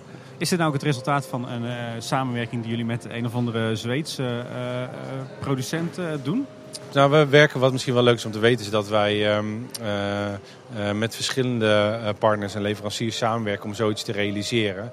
Ehm, ehm, ik weet niet over welke specifiek je het had, maar ja, dit doen we niet alleen. Hè. Dat team intern, maar waar het nodig is, bijvoorbeeld als het gaat om die bestelzuilen, ja, vliegen we gewoon externe specialisten in om ons vooral te helpen om het beste te realiseren. Hier is een keer een eh, restaurant volledig aangepakt binnen de wereld van de Efteling. Gaan we dat nog vaker zien, denk je? Eh, zeker. Ehm, eh, kijk, de aankomende jaren willen we ons aanbod nog verder verbeteren. Dat kan zitten in het ja, compleet aanpakken van een locatie zoals hier. Maar misschien zitten er in de toekomst ook nog wel wat nieuwe horecalocaties aan te komen. Ehm, eh, dus we gaan de aankomende jaren richting nou, bijvoorbeeld eerste stip op de horizon 2025 zeker niet stilzitten. En ehm, heb je dan persoonlijk nog iets wat je mist in het horeca-aanbod? Ik zou zelf heel graag een grillrestaurant zien. Ik pitch het nou gewoon bij jou. Ja, ja nee, als maar ik ben voor. Ja, ben ik voor. Ja, grillrestaurant eh, is ook eh, zeker persoonlijk als ik, eh, is een mooi. Maar als je het, eh, als je het mij zeg maar in mijn rol binnen de Efteling vraagt, ja, dan, dan leren we continu van wat onze gast ons aangeeft. Ehm, en we denken dan in locaties zoals deze, waar je echt met je hele gezin terecht kan. Maar we kijken bijvoorbeeld ook naar de toekomst richting de ontwikkeling van ja, wellicht eh, bediende locaties of uitbreiden van bestaande locaties. Eh, maar vooral op basis van eh, ja, bijvoorbeeld gasttevredenheidsonderzoeken. nou, we het ook bij de microfoon Ja. hebben. De Efteling heeft aangekondigd dat in 2020 de openingstijden flink verruimd gaan worden. Heeft ook best wel impact, denk ik, op het horeca-aanbod. Want Ja. er zal veel meer gebruik van gemaakt worden. Hopen wij in ieder geval. Hopen wij ook. daarmee misschien ook veranderingen die daarin gaan plaatsvinden. Ja, je ziet ehm, dat ehm, restaurant Fabula ehm, al- bijvoorbeeld, eh, maar ook de andere dinerlocaties, met het verruimen van, dat, eh, van de openingstijden, ja, dat we ja, eh, door de, ook door de weeks nu dus ja, echt eh, eh, nog meer klaar moeten staan voor dat dineraanbod. En ja, doordat we hier dat dineraanbod ten opzichte van de rest van de Efteling verbreed hebben, ja, hopen we ook nog meer mensen zeg maar, voor een avondmaaltijd bijvoorbeeld hier te verwelkomen. Dus dit draagt zeker bij aan ja, zeg maar een optimale gastbeleving tijdens de nieuwe zomeravonden. En jullie hebben hier ook echt heel erg ingezet op eh, thematisch eten. Of in ieder geval eten wat qua thema heel erg aansluit bij de attractie. Is dat iets wat we ook meer gaan zien in de toekomst? Eh, wanneer eh, de locatie erom vraagt, gaan we dat zeker doen.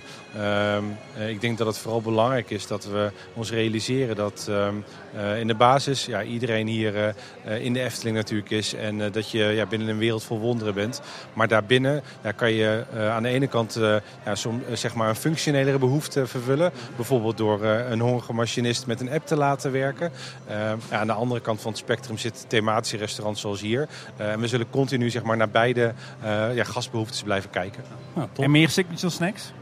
Eh, ben ik persoonlijk zeker voor. Eh, jullie? Ja, absoluut. Ja, ja, ja. ik doe wel moeite met het uitspreken van het woord. Maar het, eh, het gaat, eh, ik weet niet of je wel eens naar ons luistert, maar bijna iedere aflevering eh, besteden we wel zeker een kwartiertje aan de horeca in de Efteling. Dus, zeker eh, doe ik dat. En eh, kijk, ik denk dat, ehm, eh, dat onze thematiek, eh, maar bijvoorbeeld ook, je had het over de zomer, over de winter, dat we de afgelopen paar jaar echt eh, al vanuit horeca ook aan het investeren Ja. zijn om Ja, eh, absoluut. dat, eh, ja, gelukkig eh, dat beamen. jullie Ja, dat. Ja, mooi. Maar om daarin mee te groeien naar eh, ja, wat onze gast wil. En eh, eh, bijvoorbeeld de winterse specials die je nu bij eh, eh, de vreugdevuren terugvindt, ja, die zijn daar zeker een onderdeel van. Dus eh, leuk dat het opvalt. ja, top. Nou, hartstikke bedankt voor je tijd en gefeliciteerd met het openen van een nieuw restaurant en een nieuwe bar. We staan hier inmiddels bij Jeroen Verheij, ontwerper bij de Efteling. En eh, de creatieve man eh, achter Fabula. Eh, Jeroen, allereerst van harte gefeliciteerd met, eh, met Fabula. Ja, dank jullie wel. Ja, En gaaf hè, dit. Ja, zeker. Mooi moment vind ik dit, eh, moet ik zeggen. Ja, en leuk dat we nou eindelijk eens een keer jou voor de microfoon hebben. Hè? Ja. Werd, werd hoog tijd. Hey Jeroen, we hebben een aantal vragen voor jou. Ehm, ik ben vooral benieuwd, hoe was het nou voor jou om aan een 4D-film te werken? Of eigenlijk in, sowieso een film. Was dat nieuw voor jou? Ja, dat was compleet nieuw voor mij. Ik eh, ben zelf een enorme filmliefhebber. Dus toen ik te horen kreeg dat ik mij mocht gaan bemoeien met, met dit avontuur, deze eh, 4D-film, was ik enorm eh, blij. En, en zeker toen ik hoorde dat eh, we gingen samenwerken met Aardman Animations. Wat natuurlijk gewoon echt topspelers zijn op het gebied van, eh, van humoristische, eh, snelle en eh, pakkende eh, animatiefilms. Ja, dat was eh, ontzettend gaaf. Maar het was inderdaad de eerste keer. Maar het, het heeft best wel wat eh, overeenkomsten met wat we hier natuurlijk eigenlijk eh, eh, als main business doen. Het maken van attracties. Ook hier, even als voorbeeld, bij, Symbolica hebben we natuurlijk ook karakters verzonnen. Een storyline verzonnen, storyboards gemaakt. de karakters eerst geschetst, uitgewerkt, een backstory gegeven. timings bedacht, muziek bedacht. En ehm, dat is eigenlijk dus niet veel anders dan bij een film. Maar om, eh, bij een attractie zie je dingen ontstaan, zeg maar, en kun je dingen voelen en maken en nog even snel bijschaven en, en, en mooi maken. Bij een film is het wel eh, spannender, vond ik. Eh, het, was, het is pas vrij laat in het proces dat je het uiteindelijke resultaat natuurlijk gaat zien. En dat is wel grappig om te vertellen. Zo'n zo'n film ontstaat dus met, een- natuurlijk met een storyboard, met ideeën. En eh Aardman Animations, en ik denk dat het voor andere animatiestudio's ook wel geldt, die werken dan met een eh, zogenaamde animatic. En dat is eigenlijk een, eh, dat is eigenlijk een bewegend storyboard. Maar ook al wel met animatie, computeranimaties daarin. Maar die zijn nog helemaal leeg, vol, leeg van kleur. Die zijn grijs. Dat zijn echt van die computermodellen. En aan de hand daarvan moet je wel gaan bepalen: is dit het verhaal? Zijn dit de grappen? Is dit de timing? Want als je het daar niet verandert, dan kan het, daar- daarna kan het niet meer. Dan, dan is het alleen nog maar eh, kleur toevoegen en textures toevoegen. En natuurlijk de muziek en de geluiden. Maar, eh, dus dat was best wel heel spannend. Want je gaat in een heel vroeg stadium al vastzetten hoe de film eh eruit gaat zien. Zonder dat je het eigenlijk helemaal al compleet kunt zien. Maar het heeft heel goed uitgepakt. Smaakt naar meer? Ja, ja, in principe wel. Alleen ja, is, de vraag is natuurlijk, gaan wij binnen korte termijn, of op korte termijn hier weer een film maken, een animatiefilm? Dat eh, weet ik niet. Eh, maar eh, ja, het was een heel mooi proces. Als je het net zo uitlegt, dan op een moment moet je bepalen wanneer die 4D-effecten worden toegevoegd. Of in ieder geval wat de timing daarvan is. Hoe vroeg in het proces gebeurt dat dan? Ook al met het maken van de storyboard. Zitten daar dan ideeën bij waar de 4D-effecten bij gekoppeld of aan gekoppeld worden? Ehm, ja, nou ja de, de- timing en de grappen die zitten al wel verweven in het storyboard, zo hier en daar. Alleen, eh, nou, de, timing overigens niet. Nee, de timing natuurlijk niet, die, gaat, die komt pas later. Maar de grappen en de, eh, ja, gewoon de, de, de emoties, eh, eigenlijk alles wat er gebeurt, zit wel in, in die storyboards en in die animatic. Maar het echt dan fine-tunen van waar, waar zit nou precies het moment van de grap, dat kun je dan nog wel in dat latere stadium doen. Want dat is ook belangrijk, dat kun je eigenlijk pas goed afstemmen als je publiek hebt. Eh, dus we hebben al een paar keer testpubliek gehad. Eh, we zijn een keer in de bioscoop gaan zitten om ook gewoon op groot scherm het voor het eerste keer te zien. Bij Aardman Animations in Bristol hebben ze ook een klein, klein bioscoopje. Daar konden we natuurlijk wel het een en ander zien. Maar ja, het komt pas echt eh, tot zijn recht op een groot scherm. Dus we zijn een paar keer naar een bioscoop hier in de buurt geweest om in het grootste geheim al wat beelden te zien. Daar was ook een testpubliek bij. Dat zijn dan voornamelijk natuurlijk directieleden en allemaal andere interessante mensen van de Efteling. Die daar van alles van vinden. Eh, gelukkig al gelijk heel positief. Ehm, eh, ja, nou goed, zo, zo gaat dat een beetje. Hey Jeroen, met wat voor opdracht werd je eigenlijk aan het werk gezet eh, heel lang geleden toen je begon aan dit project? Nou, de opdracht die ik ontving was eigenlijk, we hebben een verhaal. Want het verhaal is niet door mij bedacht, dat is door Robert Jaap en Karel. Karel Willem en Robert Jaap Jansen. Eh, verzonnen. Eh, Karel heeft er een heel mooi storyboard in eerste instantie al van gemaakt. Maar dat was natuurlijk een, eh, dat was eh, in, in hoofdlijnen zeker dit verhaal. Maar er zaten ook nog wel wat andere zijlijntjes aan. En sommige dingen die er nu in zitten zaten daar nog niet in. Maar met dat verhaal zijn we eigenlijk op pad gegaan om een geschikte partner te vinden om deze film te kunnen maken. Dat werd dus Aardman Animations, gelukkig. Ehm, toen ben ik erbij gekomen en ja, heb ik eigenlijk de opdracht gekregen van denk mee en, en verzin en schets. hoe zien de, de karakters eruit? Waar zit de humor? Maak deze film, eh, maak dit eh, eh, basisverhaal tot een mooie film. En zeker niet alleen, dat hebben we echt samen met, met Aardman gedaan. Karel is er ook eh, steeds bij betrokken geweest. Ja, maar dat, dat, op die manier is het eigenlijk tot stand gekomen. En, en zien we de hand van Jeroen erin, in de film? Ja, dat vind ik zelf moeilijk om te zeggen. Ik denk ehm, dat de humor die erin zit, is voor een heel groot deel te danken aan Aardman Animations. De Britten staan bekend om een Engelse humor. Ik ben daar een groot liefhebber van. Maar ik hoop dat ik zelf ook, eh, en ik denk ook wel dat ik een eh, bijdrage heb mogen leveren aan de humor die erin zit. En ook wel gewoon eh, ja, de sfeer, de, de, de, de, de liefelijkheid die er af en toe in zit. En ja, dat pakt denk ik heel leuk uit. Ik eh, volg René Merkelbach op social media. En ik zag dat jij daar redelijk recent nog in de studio was. Heb jij je de stem nog ergens geleend aan de film? Want het duurt natuurlijk wel op meer plekken binnen het park. Maar Nee. Nee? Nee, nee, nee. Nou eens een keer niet, zou ik bijna zeggen. Nee, nee in deze film eh, zijn eigenlijk eh, überhaupt geen stemmen van eh, Eftelingers. Wat inderdaad in sommige attracties wel eens gebeurt. De stemmen zijn echt door professionele stemacteurs in Engeland, door Aardman zelf, toegevoegd. Ik heb wel, daarop aansluitend, ik, heb wel, ik zit wel in de film. Maar dat weet niemand. Maar ja, bij Oh. deze, nu ben ik het aan het vertellen. Oh. Dus nou, nou, ik zit er niet in hoor. Maar ik heb wel een aantal keer voor bepaalde bewegingen van bepaalde figuren of, of uitdrukkingen van gezichten heb ik eh, filmpjes opgenomen. Gewoon met de iPhone als het ware. En dat is naar Bristol gegaan. En die hebben een aantal keer eh, daar gebruik van gemaakt. En ik, ik zie op een aantal momenten in zowel de voorshow als in de hoofdshow eh, mijzelf terug. Maar ik laat maar even in het midden welke momenten dat zijn. Maar dat is wel leuk. Hoe, hoe verliep de samenwerking met Aardman eigenlijk? Fantastisch. Ja, dat liep echt heel lekker. Eh, ik, ik vond het best heel spannend. De eerste keer dat ik er dus bij kwam, toen wa- waren er al een paar meetings geweest met Aardman. Zij waren toen in eh, Kaatsheuvel op bezoek. En eh, ik kan je wel eerlijk vertellen dat ik het best wel heel spannend vond. Want ja, Aardman is niet zomaar een speler. Dat zijn wel echt grote jongens. Dus, en zo, zo keek ik er ook wel een beetje aan. Ik denk, nou, daar kom ik dan. Wie ben ik om eh, met mijn eh, krabbeltjes hier met deze mensen aan tafel te mogen? Maar eigenlijk vanaf minuut één had ik in de gaten dat zij echt op dezelfde manier denken eh, en werken als, als dat wij dat doen op de ontwerpafdeling. Het is ook heel vergelijkbaar wat zij doen met, daar had ik het net al over. Het is eigenlijk vergelijkbaar, alleen zij maken films en wij maken attracties. Maar ja, het was ontzettend fijn om te werken. Zeker Steve Harding-Hill, onze eh, regisseur, is een, ja, een man die gewoon precies snapt wat wij willen. En ook heel goed snapt wat zij zelf willen. En die combinatie eh, is goed uitgepakt. Als we dan inhoudelijk kijken naar de film. eh, iedereen die in Palmdroom is geweest, die weet dat er aan het einde van de film een effect zat met een boom die naar beneden viel. Nu lijkt het hier dat jullie heel bewust die boom niet naar, beneden, niet naar beneden hebben laten komen op het moment dat je hem zou verwachten.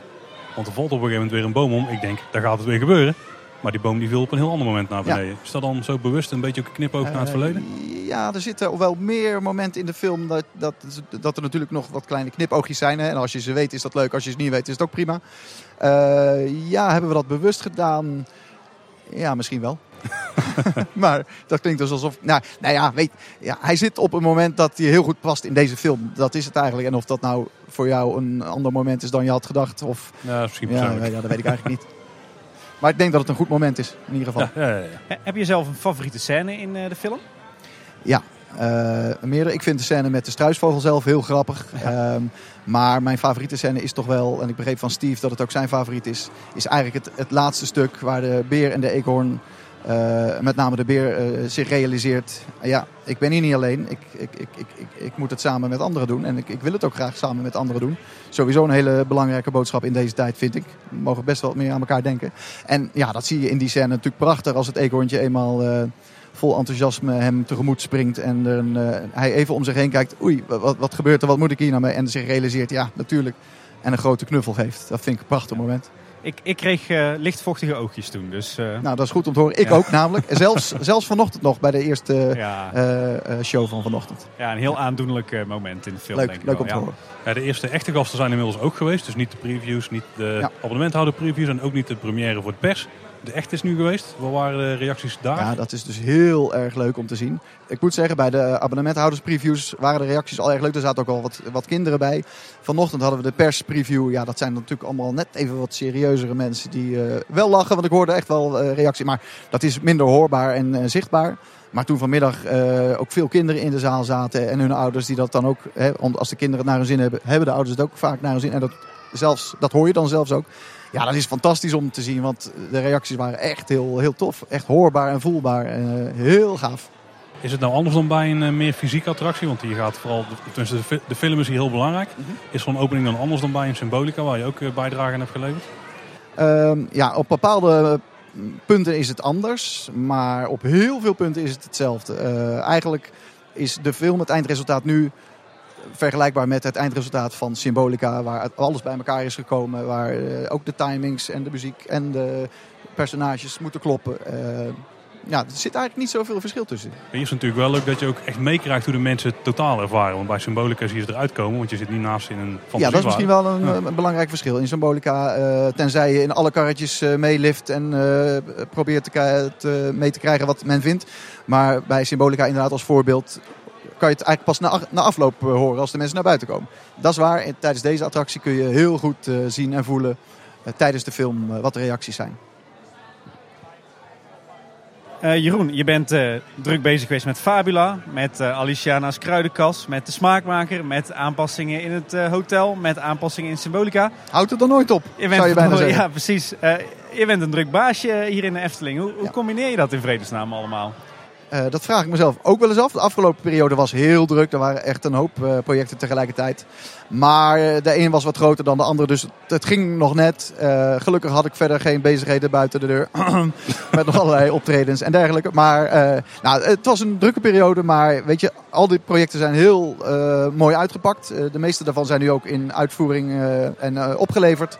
Ehm, ja, het is af en toe wat drukker dan, dan een ander moment. Alhoewel ik moet zeggen, het volgende ligt alweer te wachten. Wat zeg ik, daar ben ik alweer druk mee bezig. Vertel. Nee. Nee, sorry. Er staat hier een woordvoerster heel hard eh, mee, Ja, gemeen mee te ja, lachen. precies. Maar nee, dat kan ik natuurlijk niet. Maar eh, ook dat wordt weer prachtig. We, we hebben het bij iedereen geprobeerd hoor, maar niemand trapte erin. Ja, jammer hè? Hey, er is ook eh attractiespecifieke merchandise. Heb je daar nog een hand in gehad? Eh, ja, in die zin dat ik... eh, eh, ja, eigenlijk de, de merchandise is gemaakt aan de hand van de schetsen die we in eerste instantie hebben gemaakt.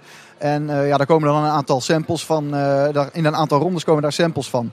Ehm, dat is altijd wel grappig, want de eerste samples die zijn nooit helemaal wat je zou verwachten dat, dat je krijgt. Ja, een beetje zoals die Padoespoppen van een tijd terug. Dat zijn jouw woorden. Ja, nou ja, goed. In, in dit geval kwam er een eekhoorntje wat meer op een bulldog leek. Oh. Weet je wel. Dat gebeurt, want ja, het, het, het, het zijn eerste aannames. Nou, dan ga je gewoon fine-tunen. Dan ga je zeggen, nou, die wang mag echt wel ietsje smaller. Eh, de kleur is misschien nog niet helemaal de juiste kleur. Kleurnummers worden bepaald. En eh, zo komt in drie rondes eigenlijk eh, komt uiteindelijk een prachtig eindresultaat. En ik denk dat de plusje dieren die we nu hier hebben liggen in de winkel... een hele mooie weerspiegeling zijn van de figuren in de film. En ik vind het fantastisch om te zien dat er nu al... als warme eekhoorntjes over de Ja. eekhoorntjesbrood, had ik moeten zeggen, over de toonbank gaan. Inderdaad, ja. Gaan we Jeroen ook nog eh, zien rondlopen als eh, beer uit Fabula? Of, eh? Ik zou dan liever als eekhoorntje of misschien als struisvogel gaan. Maar ik denk niet dat dat erin zit. Nee, laten we dat maar even niet doen. Hebben ze over zijn naam? Want dat wordt veel besproken nee. momenteel. Nee, ze heten eh, beer en eekhoorn. Net als eh, de wolf en de zeven geitjes. Eh, fabels hebben vaak naamloze dieren. Niet allemaal hoor, maar je hebt ook bijvoorbeeld ook de fabel van de, de schildpad en de haas. Wij vonden eigenlijk wel dat het, eh, dat het prima kon om ze gewoon hun, hun, hun dier, dierennaam, dus eh, de beer en de eekhoorn, eh, te laten houden. Ja, en hoe, hoe leuk is het als straks kinderen gewoon zo'n eekhoorntje mee naar huis nemen en daar zelf een naam voor verzinnen. Ja, zeker. En dat Ja. is dan hun eekhoorntje met hun naam. Over namen gesproken, waar komt Fabula vandaan? Ja, fabula is, een, eh, is het Latijn en is eigenlijk het woord voor een, een, een verhaal met dieren in de hoofdrol. Fabels kennen we natuurlijk, de fabels van La Fontaine kennen we, waar overigens de dieren dan weer wel een naam hebben. Ja, we vonden het gewoon een mooie naam. Fabula, het past denk ik in een traditie van namen die we in de Efteling voeren als Piranha, Fata Morgana, Symbolica en allerlei andere woorden die eindigen Ja. op een A. Scherp, ja. Ja, goed. Ja, Jeroen, van harte gefeliciteerd met de opening van Fabula. Dankjewel. Eh, en eh, dat van die eh, merchandise. Ja, als ouder ben ik er niet zo blij mee, want die kinderen van ons die staan echt heel de dag aan mijn, aan mijn mouw te trekken van ik wil ook een eekhoorn, ik wil ook een beer. Dus, Ja, het spijt me heel erg. Ja. maar let je, Paul? Hè? Ja. Ja, ook nog eens 5% Er liggen er nog een paar. Het eh, merchandise budget bij ons thuis is eh, voor 2019 er een heel terrein. Dus 2020 hebben ze weer nieuwe kansen. Sterkte, Paul. ja, dank je. Jeroen, hartstikke bedankt en eh, complimenten voor het resultaat. Hartstikke bedankt. Hoop Leuk om met jullie weer te te hebben. spreken. Nou, wie weet. Nou, nog wel mensen die we vooraf al hadden gesproken. Yves, je bent ook naar de film geweest inmiddels. Of na, na, je hebt de hele ervaring gehad, zo moeten we het eigenlijk zeggen. Wat vond je ervan?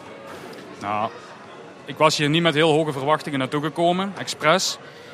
Maar de Efteling heeft dit met een beperkt budget gedaan. Eh, en ze hebben hun budget gericht op de belangrijkste zaken. En dat was duidelijk de film, de projectors eh, en een klein beetje het gedeelte er rond waar nog budget voor over was. En dan hebben ze gewoon knap werk geleverd. De film is goed, de doelgroep reageert heel enthousiast.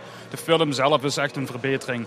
De voorshow vind ik zelf een beetje langdradig, bouwt heel traag op. is niet echt mijn ding. Ehm, ik denk missie geslaagd. Ik hoor hier en daar ook al stemmen dat er toch nog wel wat verbeteringen aan zitten te komen. Dus ik denk dat hier toekomstgericht toch nog extra budget in geduwd wordt.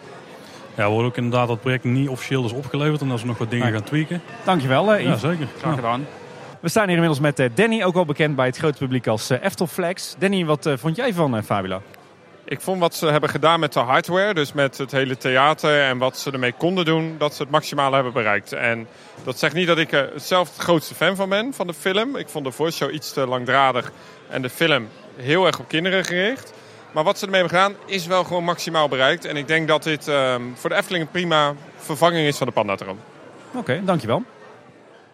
Zo, we zijn in de Efteling geweest. We hebben heel de dag gestaan tot nu toe. Ik, ik moet zeggen, ik moet even bijkomen, Paul. We zijn echt vanochtend om tien uur charre begonnen in de Polderskeuken. En het is nu geloof ik bijna drie uur.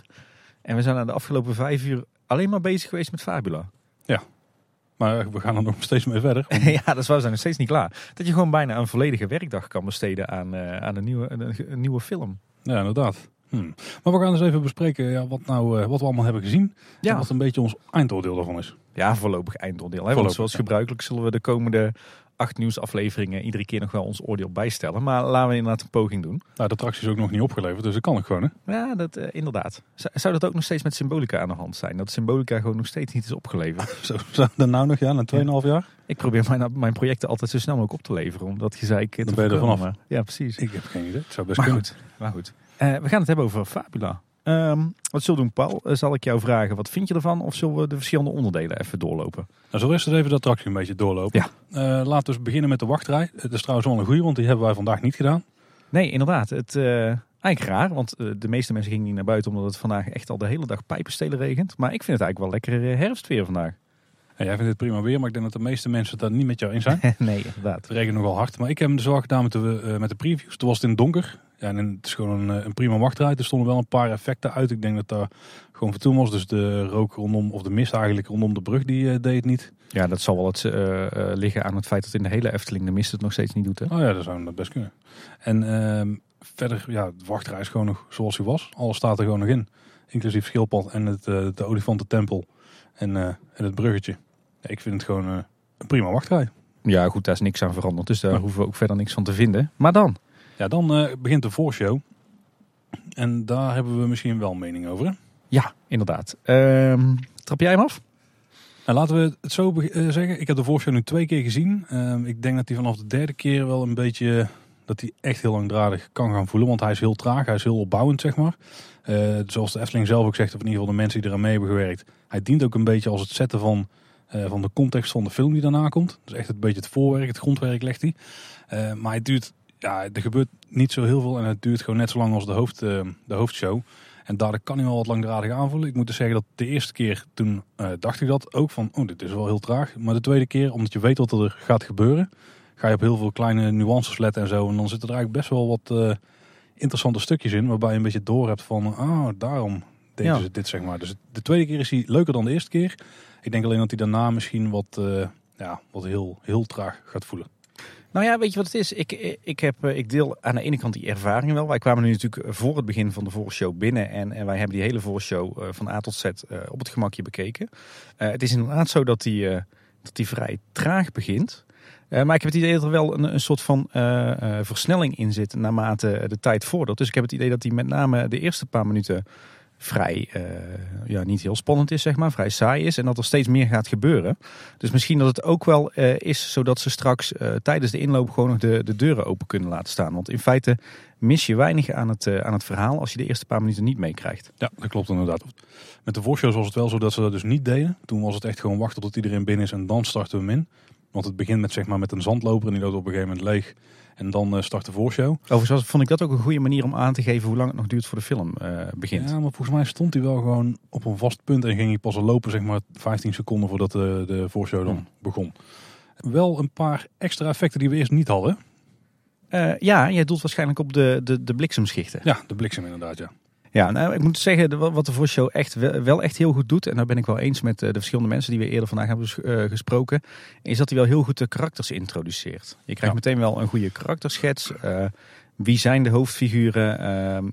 Wat, Wat voor karaktertrekken hebben ze? Je wordt wel echt ingeleid in het verhaal. Dus je moet de voorshow wel echt gezien hebben inderdaad om de hoofdshow te kunnen snappen. Dus dat vind ik goed. Ik moet ook zeggen, in het eerste gedeelte waarin nog niet heel veel spannends gebeurt, eh, is op zich wel vermakelijk. Omdat er iedere keer weer andere diertjes eh, aankomen wandelen. Hè? Eh, variërende van een muis tot een das en een wasbeer geloof ik. Wel heel leuk voor de kinderen ook.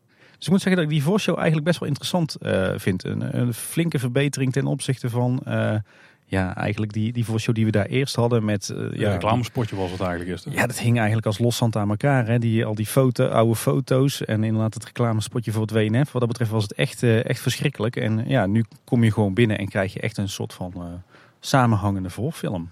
Ja, want even om samen te vatten, de voorshow zelf, de ruimte die is exact hetzelfde zoals die was. Ja. Uiteraard is de verlichting vervangen.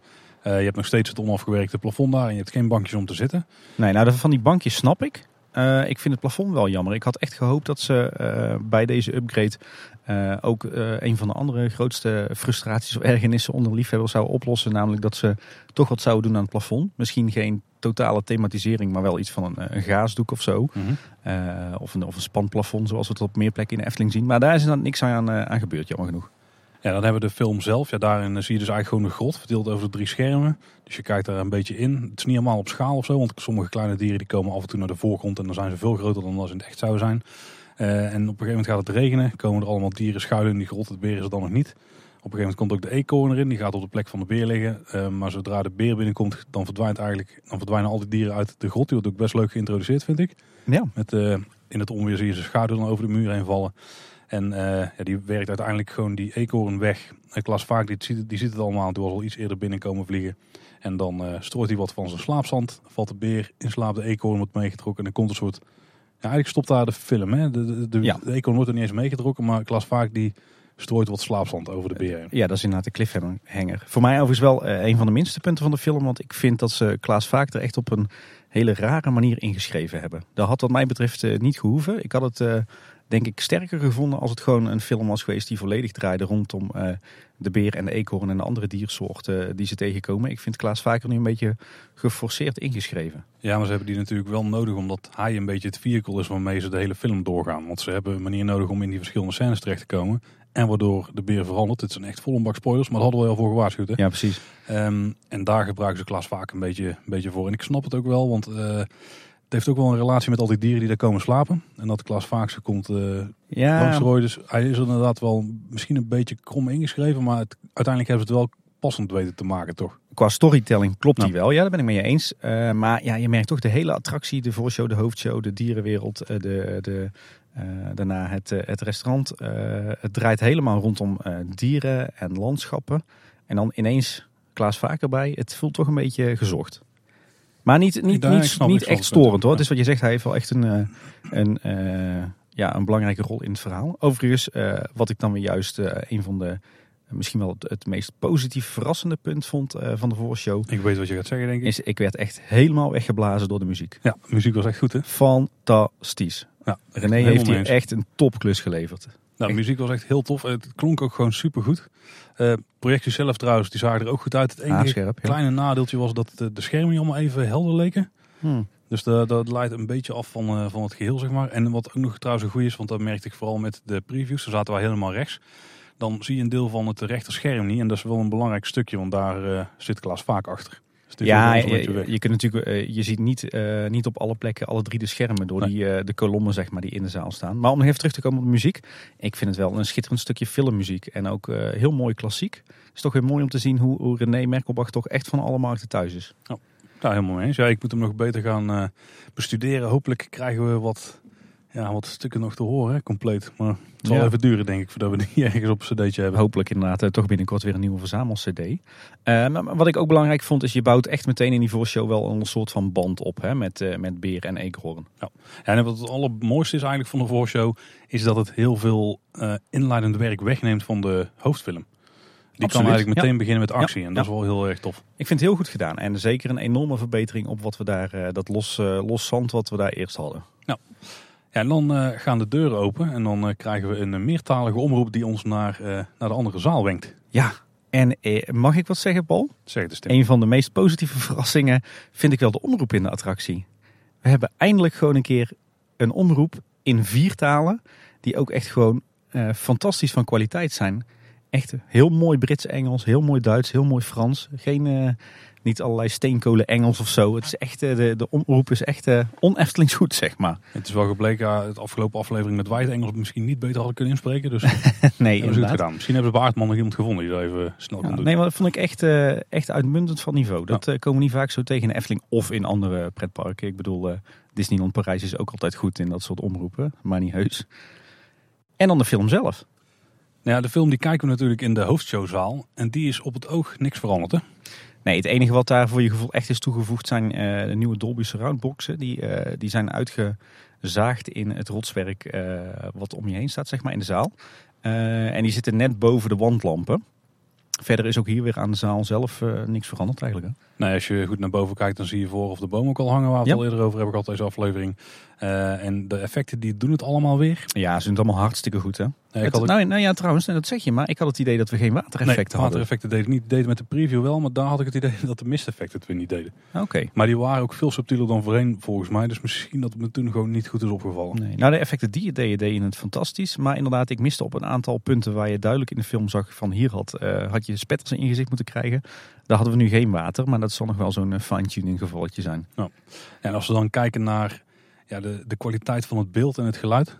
Ja, subliem. Ik, ik vond het echt heel goed. Ja. Ja, ja, echt heel goed. Ja, ik vond het 3D-effect ook heel erg overtuigend. Wat ik dan wel heb, en dat vind ik een beetje een nadeel van alle 3D-films, is dat iedere keer als er een knip is in de film, dan eh, verandert het perspectief. En daardoor moet je weer even snel wennen aan het, eh, de hoek vanuit waar je dan kijkt. Zeg maar. De focus ligt dan op een ander punt. Ja, maar wa- waar ik last van had in Pandadroom is dat ik eh, heel vaak eh, op van dat soort momenten schil keek. En dan kreeg ik op een gegeven moment ook, eh, ook hoofdpijn van. En ik heb in deze film op geen enkel punt dat gevoel gehad. Dus ik heb gewoon continu scherp naar de film kunnen kijken. Geen last gehad van mijn ogen, geen last van hoofdpijn of zo. Dus echt een goed kwaliteitsniveau. Enige gekke wat ik wel had is als ik mijn hoofd een beetje schuin naar links draaide, is dat ik af en toe in mijn linkerglas van mijn 3D-bil wat, eh, wat rode weerspiegeling zag. Als het, wa- als ware het een laserstraal. Maar ik weet dus niet of dat te maken heeft met die nieuwe projectietechniek. Hm, dat weet ik ook niet precies. Nee. Maar, maar in, de, ja, in de basis, eh, zowel de projectie als het geluid, echt van subliem niveau. Dat hebben ze echt heel goed gedaan. Ja, zeker. Ja. En dan de, de film zelf, Tim. Ja, top. Ik denk de film zelf, ik werd er echt helemaal in, eh, in meegezogen. Eh, een heel duidelijk verhaal, heel, eh, heel eh, positief. Ja, ook een spannend verhaal. Heel veel leuke grapjes erin, grappige momenten. Hele goede interactie tussen de film en de effecten. Ook niet te veel, maar wel duidelijk dat je weet van oké, het heeft echt wel meerwaarde dat we deze in 4D zien. Dus 3D met, eh, met de effecten erbij. Mhm. Eh, ik werd wel echt gepakt door het verhaal. Bleef tot het einde geboeid. Eh, ik denk ook dat het heel leuk is voor, voor kinderen. Misschien nog niet voor kinderen van onze leeftijd. Maar vanaf een jaartje of vijf, zes wel, denk ik.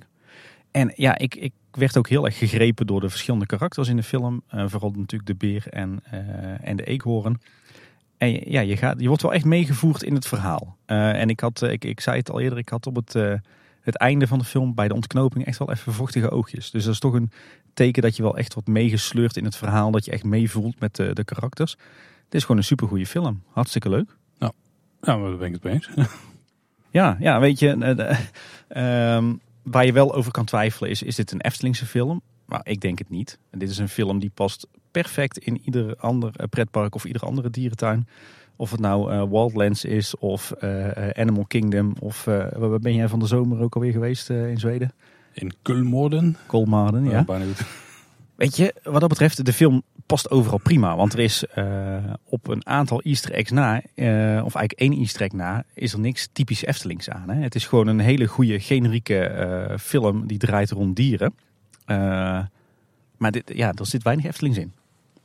Ja, ik las vaak natuurlijk, maar die zit er een beetje in het begin en het eind in. En ja, het is zijn slaapzand, zeg maar. Ja. En we hebben inmiddels gehoord dat de film ook op meerdere plekken vertoond zal gaan worden. Dus niet alleen binnen de Efteling. Ik weet niet op welke termijn. En ik begreep dat het op zijn minst hier een paar honderd kilometer vandaan was. Ja, ik hoorde wat mensen nu zeggen dat, eh, dat hij in ieder geval door een Scandinavisch park zou zijn aangekocht. Ja. Maar goed, eh, goed, dat, eh, dat, dat verklaart natuurlijk wel waarom dat de film heel generiek is. Eh, dus als je mij vraagt, vond je het een goede film? Ik vond het echt een topfilm. En ook best wel met wat herhalingswaarde. Ik zou hem nog best wel een paar keer willen zien. Eh, ik denk ook dat de kinderen er ook echt helemaal weg van zijn. Eh, en dat het ook eh, heel goed effect heeft op de merchandise verkoop. Ja, denk ik ook, ja. Maar dit, dit, is, het is geen Eftelingse film. Hmm. Nee, nee, het is geen Eftelingse film, nee. nee. En, Maar wat, wanneer is een film wel Eftelings? Want ik denk dat het voor de Efteling heel moeilijk is om, wat echt typisch Efteling is, om dat in de film te leggen. Nee, nou kijk, weet je, als je dat had willen doen, dan had je echt een film moeten bouwen rond eh, een sprookje of rond een regionaal verhaal of eh, rond heksen of, of weet ik wat, weet je wel. Maar dat, er is hier nu gewoon gekozen van we houden vast aan dat dierenthema. Eh, de, dieren, de dierenwereld is eigenlijk het basisuitgangspunt. Hè, dus het draait rond een aantal diersoorten, is rond een aantal ja. landschappen. Dus ja, dan, dan zit je eigenlijk al vast aan het feit dat je een wat generiekere film maakt rond het thema dieren. En dan vind ik wel dat ze eh, dan vervolgens wel hun best hebben gedaan om daar het, het beste van te maken. Niet dat wijzende vingertje, wel een lichte eh, moraal. Maar het is wel een, eh, een hele fijne moraal, denk ik. Die, van, van een niveau zoals je dat ook in veel sprookjes terugziet. Hè? Ja. ja, het is gewoon een hele schattige, aandoenlijke, grappige film geworden. Ja, wat ik wel tof vind is hoe ze de 4D-effecten erbij hebben betrokken. Bij Pandadroom was het volgens mij zo dat je had gewoon wat momenten en dan werd een effect geacti- geactiveerd, zeg maar. Ja.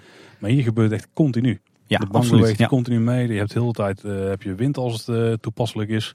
Ehm, daarbij heb je ook volgens mij ook onderscheid. En dat was me in het verleden niet opgevallen tussen die korte puffjes die je ook echt hoort. En, en een meer een meer swoosh van, van wind. zeg maar. Op een gegeven moment vliegt een vogel weg en dan voel je echt het, eh, het klappen van die vleugels, zeg maar. Ja, klopt. Nou, dat was bij de opening van Pandadroom ook wel. Maar je merkt dat, eh, dat die effecten eh, vaak de afgelopen jaren eh, steeds meer zijn uitgevallen. En nu doen ze het allemaal gewoon weer echt zoals het ooit bedoeld was. Ja, en wat me dus ook opviel is dat ze dus nog aan het tweaken zijn met de effecten. Want Ja. het verschil tussen de preview en de première nu was er ook wel echt. Want je hebt die eh voor in de banken zitten van die gele ledstrips of zo. Ja. Ik denk dat die alleen maar in het geel erin hebben zitten. En het geel is natuurlijk die kleur van, ja, van die vortex die Klaas vaak nog steeds klust. En die kleuren dan ook mee. En dat gebeurde nu niet overal. Wel op een gegeven moment een beetje aan het einde van de film. In het begin niet. Volgens mij was dat met de previews wel. En eh, de bank die zetten ze ook op meerdere manieren in. Want eh, iedereen kent natuurlijk het eh, effectje van de vallende bank. Die aan één kant Ja. inzakt. Maar die gebruiken ze nu ook. Want er zit denk ik gewoon een elektromagneet in die hem omhoog houdt of iets in die geest. Daar spelen ze ook een beetje mee op een gegeven moment. Ja, inderdaad. Als er, eh, als er eh, mieren, bosmieren rondkruipen, dan, eh, Ja. dan voel je die onder je. Overigens zat ook dat effect ook in de oude Pandadroom hoor. Maar ook dat werkt al een tijdje. Ook dat werkt een beetje belabberd. Nee, dus dat, dat doen ze inderdaad wel goed. Het voelt ook niet te gemaakt of zo, of te gezocht. Het, eh, het voelt allemaal heel natuurlijk.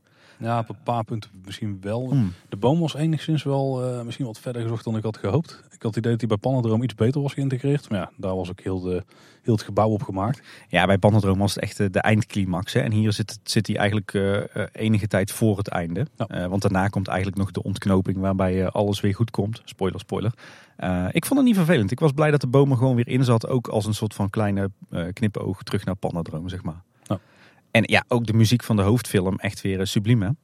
Ja, die komt helemaal samen op het moment dat, eh, dat het dus weer goed komt. Ja. Eh, volgens mij heeft bijna iedereen die we hebben geïnterviewd had aangegeven dat dat wel een favoriet momentje was. Ja. Kijk, daar, de muziek zeg maar, die is echt goed. Dat valt overal... nou, hij valt niet zo op. Dat is misschien dus waarom hij ook zo goed is. Hij ondersteunt de film echt heel goed. Ja, maar, maar dat hij in de voorshow wel meer opviel, heb ik voor, eh, was mijn gevoel. Ja, ik denk dat hij daar makkelijker opvalt, omdat er Ja. wel minder visueels Ja. gebeurt. Maar in de film gebeurt gewoon zoveel. Er is zoveel om op te letten. En dan in één keer aan het einde, dan heb je even weer dat rustmomentje. En dan zwelt die muziek aan. Ja, dat is wel echt een heel erg goed moment. Ik ben wel benieuwd. Ik heb eh, toevallig gisteren mijn vrouw voor Sinterklaas een weekendje Amsterdam cadeau gedaan. Inclusief eh This is Holland. En weer een heeft. Daar heeft René natuurlijk de muziek voor geschreven. Dus ik ben wel benieuwd wat, eh, hoe die muziek is. Maar Ja. goed, we, Ja. we dwalen af. Ehm, dus ja, al met al denk ik een topfilm. Alleen wel heel generiek. Hebben wij nou een favoriete scène? Of in ieder geval individueel? Ik, Hmm. ik heb hem nog niet zo paraat hoor. Maar Ik moet zeggen dat ik de, het gedeelte eh, in eh, onder water wel heel humoristisch vind. Met die, eh, die, die blowfish, hè, die stekelvis. Ja, ik vind daar wel een heel sterk visueel stuk in zitten in het begin. Dan, dan zwemmen ze door zo'n stukje koraal heen. En dan heb je ook even de welkomstnoten van de Efteling welkomteam. Ja, ja, klopt inderdaad. Wel een mooi stukje, ja. Ja, mooi kleurgebruik ook. Eh, ook gaaf dat we Aura nog even zien, het schildpad natuurlijk. Ja, wat, wat, ik het komische hoogtepunt vond was eh, toch wel de easter egg met, eh, met de rode neus in de jungle scène. Ja, zeker. Je had hem gemist, hè Paul? Het, eh, ik had hem wel gezien, maar het feit dat jij me erop wees dat daar een verwijzing was naar Carnaval Festival, had ik wel even gemist, ja. Maar Ja, die is hij- best wel opvallend als je het dan eh, zo Hij is echt super gaaf. Een, eh, een aap krijgt een, een rode vrucht op zijn gezicht gemikt, gegooid. En die belandt op zijn neus. En terwijl dat gebeurt hoor je een paar tonen van Carnaval Festival muziek. Ja, dat is natuurlijk een super verwijzing naar, naar Carnaval Festival. Echt heel goed gedaan. En als we het over de muziek hebben, dus het ook de Klaas Vaak tune af en toe in. Ja. Die Ja. komt ook, ook in de hoofdfilm, ook in de voorshow komt hij af en toe terug. Ja, precies. Wat me trouwens ook opviel is dat ze vooral in de voorshow de muziek best wel timen met de animatie ook. Ja. Die, volgens mij klimt er een muis op een gegeven moment rechts zo'n rots op. En eh, die voetstappen die gaan dan precies getimed met de muziek. Wat tof detail. Heel goed gedaan. Ja, en dan komen we denk ik in de dierenwereld. Hè? Of de speelwereld moesten we hem geloof ik noemen. Hè? Ja, daar hebben we het eigenlijk al over gehad. Hè. Die is in principe niet zoveel veranderd. Eh, de licht, het lichtplan lijkt wat feller, wat intenser te zijn. Ja, nou dat vind ik wel overduidelijk. Ik vind het, eh, het kleurgebruik wel veel, eh, veel uitbundiger. Wat me opviel is dat die, eh, die, ja, die bol, die staat er nog steeds. Ja. Een soort die wereldbol op die sokkel in het midden. En ze hebben die animatronic dan vervangen of eigenlijk gereskind naar, ehm, ja, naar beer en dus eekhoorn op zijn hoofd. Echt heel gaaf gedaan. Echt super slim dat ze dat zo hebben Ja, aangepakt. zeker, ja. Ja, en ik heb toch het gevoel dat de dierenwereld eh, wat is opgefrist. Dat effecten zijn gemaakt. Dat er her en der eh, misschien wat bladerdek is bijgemaakt. Eh, het ziet er allemaal fris en fruitig uit. En ik had ook het idee dat er meer terrastafeltjes in de dierenwereld staan. Oeh, dat heb ik nog niet echt gecheckt. Ik moet ook nog een keer een rondje maken om te kijken wat er nu is gebeurd met al die educatieve schermen en zo. Maar in de baas zou je kunnen zeggen, als je kijkt naar een voorshow, hoofdshow, eh, een dierenwereld, dat er eh, aan de hardware eh, vrij weinig is veranderd. In ieder geval niet zichtbaar. Ja, ik hoop dat ze de klimmerik hebben gefixt, want er waren Ja. wel probleempjes mee. Dat Ja. heb ik ook nog niet gecheckt. Oh, en ze hebben natuurlijk die WNF-truck hebben ze weggehaald. Ja, inderdaad. Ja, en dan de restaurant en de, de souvenirwinkel, of ja, eigenlijk, hoe moeten we het noemen? Het horecaplein bij de uitgang of zo. Ja, misschien wel een goede manier, ja. Eh, ja, absoluut een verbetering, denk ik, op basis van wat we tot nu toe hebben gezien. Ja, meer ruimte, het voelt meer open. Eh, ik denk dat de selectie van eten die je daar kunt halen, dat die best wel prima is. Ja, daar moet volgens mij nog wel aan gewerkt worden. Want ik hoorde tijdens de previews, maar zeker ook nu, toch best wel wat mensen die eh, toch nog wat eh, opmerkingen hadden over het eten. Ja, ze moeten misschien nog inwerken. Maar Melvin zei natuurlijk ook dat ze juist heel erg zijn gegaan voor ja, snelle levering, zeg maar. Dat Ja. ze snel kunnen uitleveren. Daar Ja. al hoorde ik nog wel links en rechts wel klachten over. Ja, ik Eh, ik hoorde ook verschillende mensen die verwachten dat ze een bepaald gerecht warm zouden krijgen en die hem koud Ja. kregen. Zal waarschijnlijk wel de bedoeling zijn, maar misschien moeten ze daar de, de verwachtingen nog even eh, een beetje bijstellen. Dat is denk ik wel het nadeel als je bestelt aan zo'n zeil. Dan heb je dus helemaal geen idee van wat er precies gebeurt. Maar als je dus eh, aan de balie bestelt, dan zie je ook gewoon een aantal gerecht- gerechten in de koeling liggen. Ja. Dus dan weet je ook van, oké, die ga ik waarschijnlijk ook zo koud krijgen. Ja. Of dan kun je het in ieder geval vragen op dat moment. Ik, eh, ik heb wel zin om wat gerechten uit te gaan proberen daar. Ehm, ik zou bijna zeggen dat gevoelsmatig dat ik meer word getrokken door, door de savannebar dan door de wereldkeuken. Al is het maar vanwege die eh, heerlijke taarten en gebakjes die daar in de vitrine staan. Ja, ik moet die curry nog een keer gaan proberen. Ik heb wel de savanneburger op. Ehm, ja, was ook niet helemaal 100% van overtuigd. Dat, dat is een burger met kip, zeg maar. En er Mhm. ligt eh, veel paprika-achtige saus dingen omheen. Eh dat was licht een beetje te zuurig naar mijn smaak. En eh, de hoeveelheid kip viel wel een beetje tegen. Ja. Maar de, de aardappelpasjes die er dan bij zaten in het broodje en zo, dat smaakte verder allemaal prima. Eh, maar was misschien niet helemaal wat ik had verwacht. Ja, ik denk in de basis wel een ontwikkeling de goede kant uit. Hè, met die bestelzuilen, met meer zitcapaciteit, met toch meer licht en meer ruimte. Ik denk wel dat het de goede kant uit gaat. Ja, Werken met die buzzers. Ja. Ja, en dan het totaaloordeel. Ja, ik zit er een beetje dubbel in. Ik denk dat voor wat het is, dat het goed is. Kijk, eh, de Efteling heeft er bewust voor gekozen van we willen Pandadroom een, echt een revamp geven. Ik denk dat dat een, eh, een goed, eh, nou niet echt Nederlands woord is, maar wel een, goed, goed woord ervoor is. We willen dat gebouw weer 17 jaar laten staan, hebben we Fons Jurgens horen zeggen. En ik denk dat dit op zich een, een prima ja, revitalisatie is, om het maar zo te zeggen. Eh, vasthouden aan eh, een groot deel van de hardware, dus aan de inrichting van de voorshow, hoofdshow, dierenwereld. Vasthouden aan thema, maar toch een nieuwe film.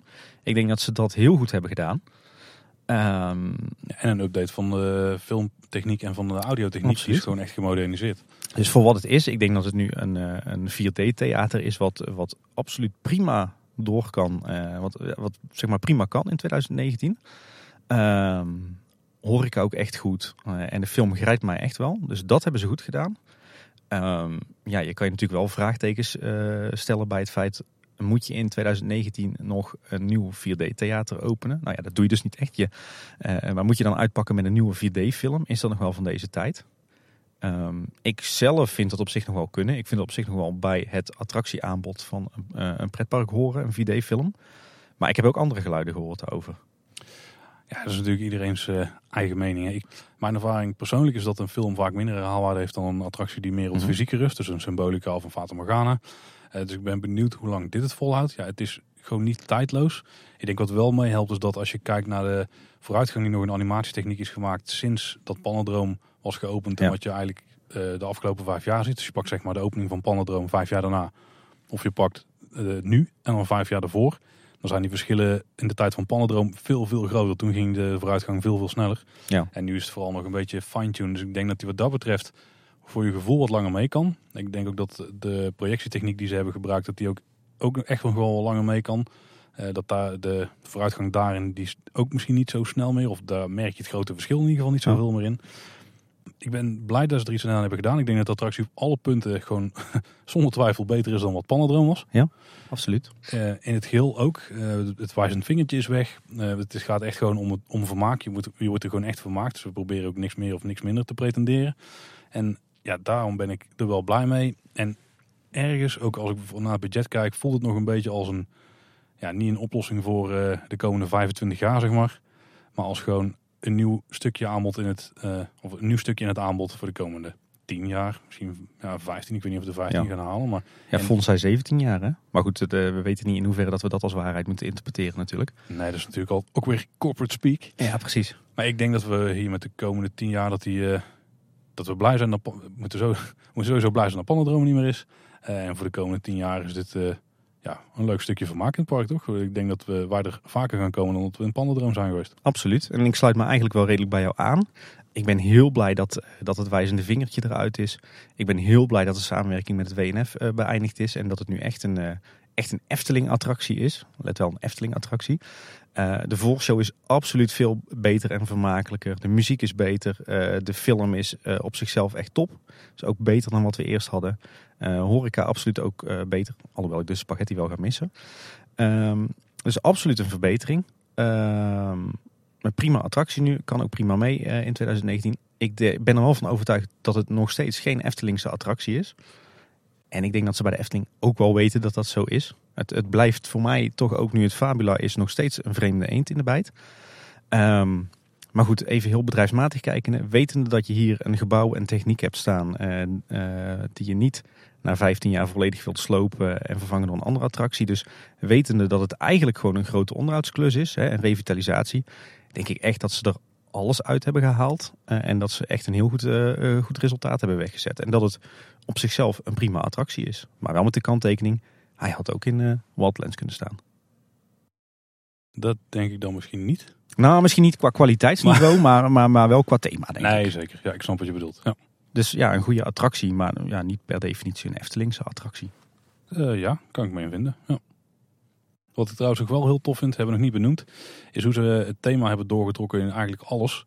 De dierenwereld of wat er in ieder geval van overgebleven is, wat eigenlijk best wel veel is. Ja. Dat is natuurlijk eh, toch een beetje het uitgangspunt geweest. De film is daar naartoe geschreven, maar ze hebben daar ook eh, de horeca op aangepast. En dat is eigenlijk wel heel tof dat we daar nu zien. Dat, dat is toch een beetje wel wat de toekomst van de Efteling moet zijn volgens mij. Absoluut, Dat absoluut. horeca-attracties en de omgeving dat die een beetje bij elkaar eh, betrokken worden. Ja, we hebben natuurlijk nog, die, nog steeds die bunker zoals jij hem in het begin zo Ja. liefkozend noemde. Die staat er gewoon nog steeds. Ehm, ja, ik, ik, ik ben eigenlijk gewoon wel blij met wat er staat. Ja, ik ook, absoluut. Eh, denk ik een, eh, nou niet, niet zozeer een prima toevoeging, maar ik denk een, eh, een, een heel goed geslaagde onderhoudsklus. Met meer impact, denk ik, dan de on- eh, het onderhoud bijvoorbeeld aan Carnaval Festival. Ehm, Absoluut, ja. ja. En ja, op zich denk ik een, een, een, prima nieuwe toevoeging die ook weer mensen gaat, eh, gaat trekken, ja. Ja, ik- of die echt mensen gaat trekken, weet ik niet. Maar ik denk dat iedereen die nu in de Efteling binnenkomt, het team zeker gaat checken. Ik denk overigens dat eh, de samenwerking met Aardman, eh, denk ik iedereen heel goed is bevallen. En ik hoop eerlijk gezegd ook dat als de Efteling toch weer wat gaat doen met animatie, of dat nou voor een, eh, een tekenfilm is of voor beelden in het park, dan hoop ik echt oprecht dat ze dat weer met Aardman doen. Want ik denk dat dit bewijst dat het echt een, een fantastische partij is en dat die samenwerking ook heel goed gaat. Vooral de laatste, als we dat vandaag zo hebben gehoord, dan werken die ook graag samen. En als ze inderdaad nog dingen met animatie gaan doen, dan is Aardman een prima partij. En ik, eh, het zou me ook niks verbazen als Aardman vaker met René Merkelbach gaat werken. ja, dat zou ook nog wel zijn, ja. Dat hij in één keer klanten heeft in Engeland. Oh, en ik vond het trouwens ook nog wel leuk om te horen dat, dus, eh, dat ook eh, Karel Willema en Robert Jaap Jansen dus ook een belangrijke rol hebben gespeeld bij het ontstaan van de film en de verhaallijn. Nou is eigenlijk in de verdere communicatie is daar geen aandacht aan gegeven, maar ik vind het wel goed dat we dat toch ook even noemen, want ik denk dat die puikwerk hebben verricht. Hopelijk hebben jullie een beetje mee kunnen nemen vandaag door de opening van Fabula. Dat was in ieder geval voor deze week. Ja. Eh, we hebben later deze week nog een nieuwe aflevering van de buitenwereld. Die kun je ook natuurlijk checken op onze website of in je podcast app. Ja, en volgende week hebben we gewoon weer een, eh, een reguliere nieuwsaflevering. Hè? Ja. Heb je nog vragen? Wil je zelf eh, iets kwijt over Fabula? Wat vind jij daarvan? Nou, dan kun je dat op een aantal manieren bij ons krijgen. De makkelijkste manier is denk ik Twitter. Ja, daar zijn we @kboodschap. En dan hebben we ook nog Facebook en Instagram. Daar zijn we Kleine Boodschap. En we hebben natuurlijk onze website kleineboodschap.com. Ja, en daar kun je ons bereiken via het contactformulier. En je kan ons ook altijd mailen op info.kleineboodschap.com. En daar kan je ook je, je voice clipjes kwijt. Hè? Ja, zeker. En als je een reviewtje wil achterlaten op Apple Podcast of in iTunes of in iedere willekeurige andere podcast app, kunnen we ook altijd waarderen. Ja, zeker. En eh, voordat we afsluiten wil ik toch nog even eh, de Efteling complimenteren voor, eh, voor de leuke dag. Want het was bijzonder goed georganiseerd. Uh, lekkere hapjes en drankjes. En we hebben maar liefst zeven mensen mogen interviewen. En dat is toch wel top. Was een, goed. echt een topdag voor, voor ons ook. Wel hard werken, maar, maar Ik dacht ook een topdag. En, eh, en ook heel leuk om, eh, om alle bekende gezichten uit eh, de Efteling fanwereld en de pretpark fanwereld eh, te zien. Ja, zeker. Leuke reunie. Nou, dat was weer voor deze week. Bedankt voor het luisteren. Tot de volgende keer. En houdoe. Houdoe waar.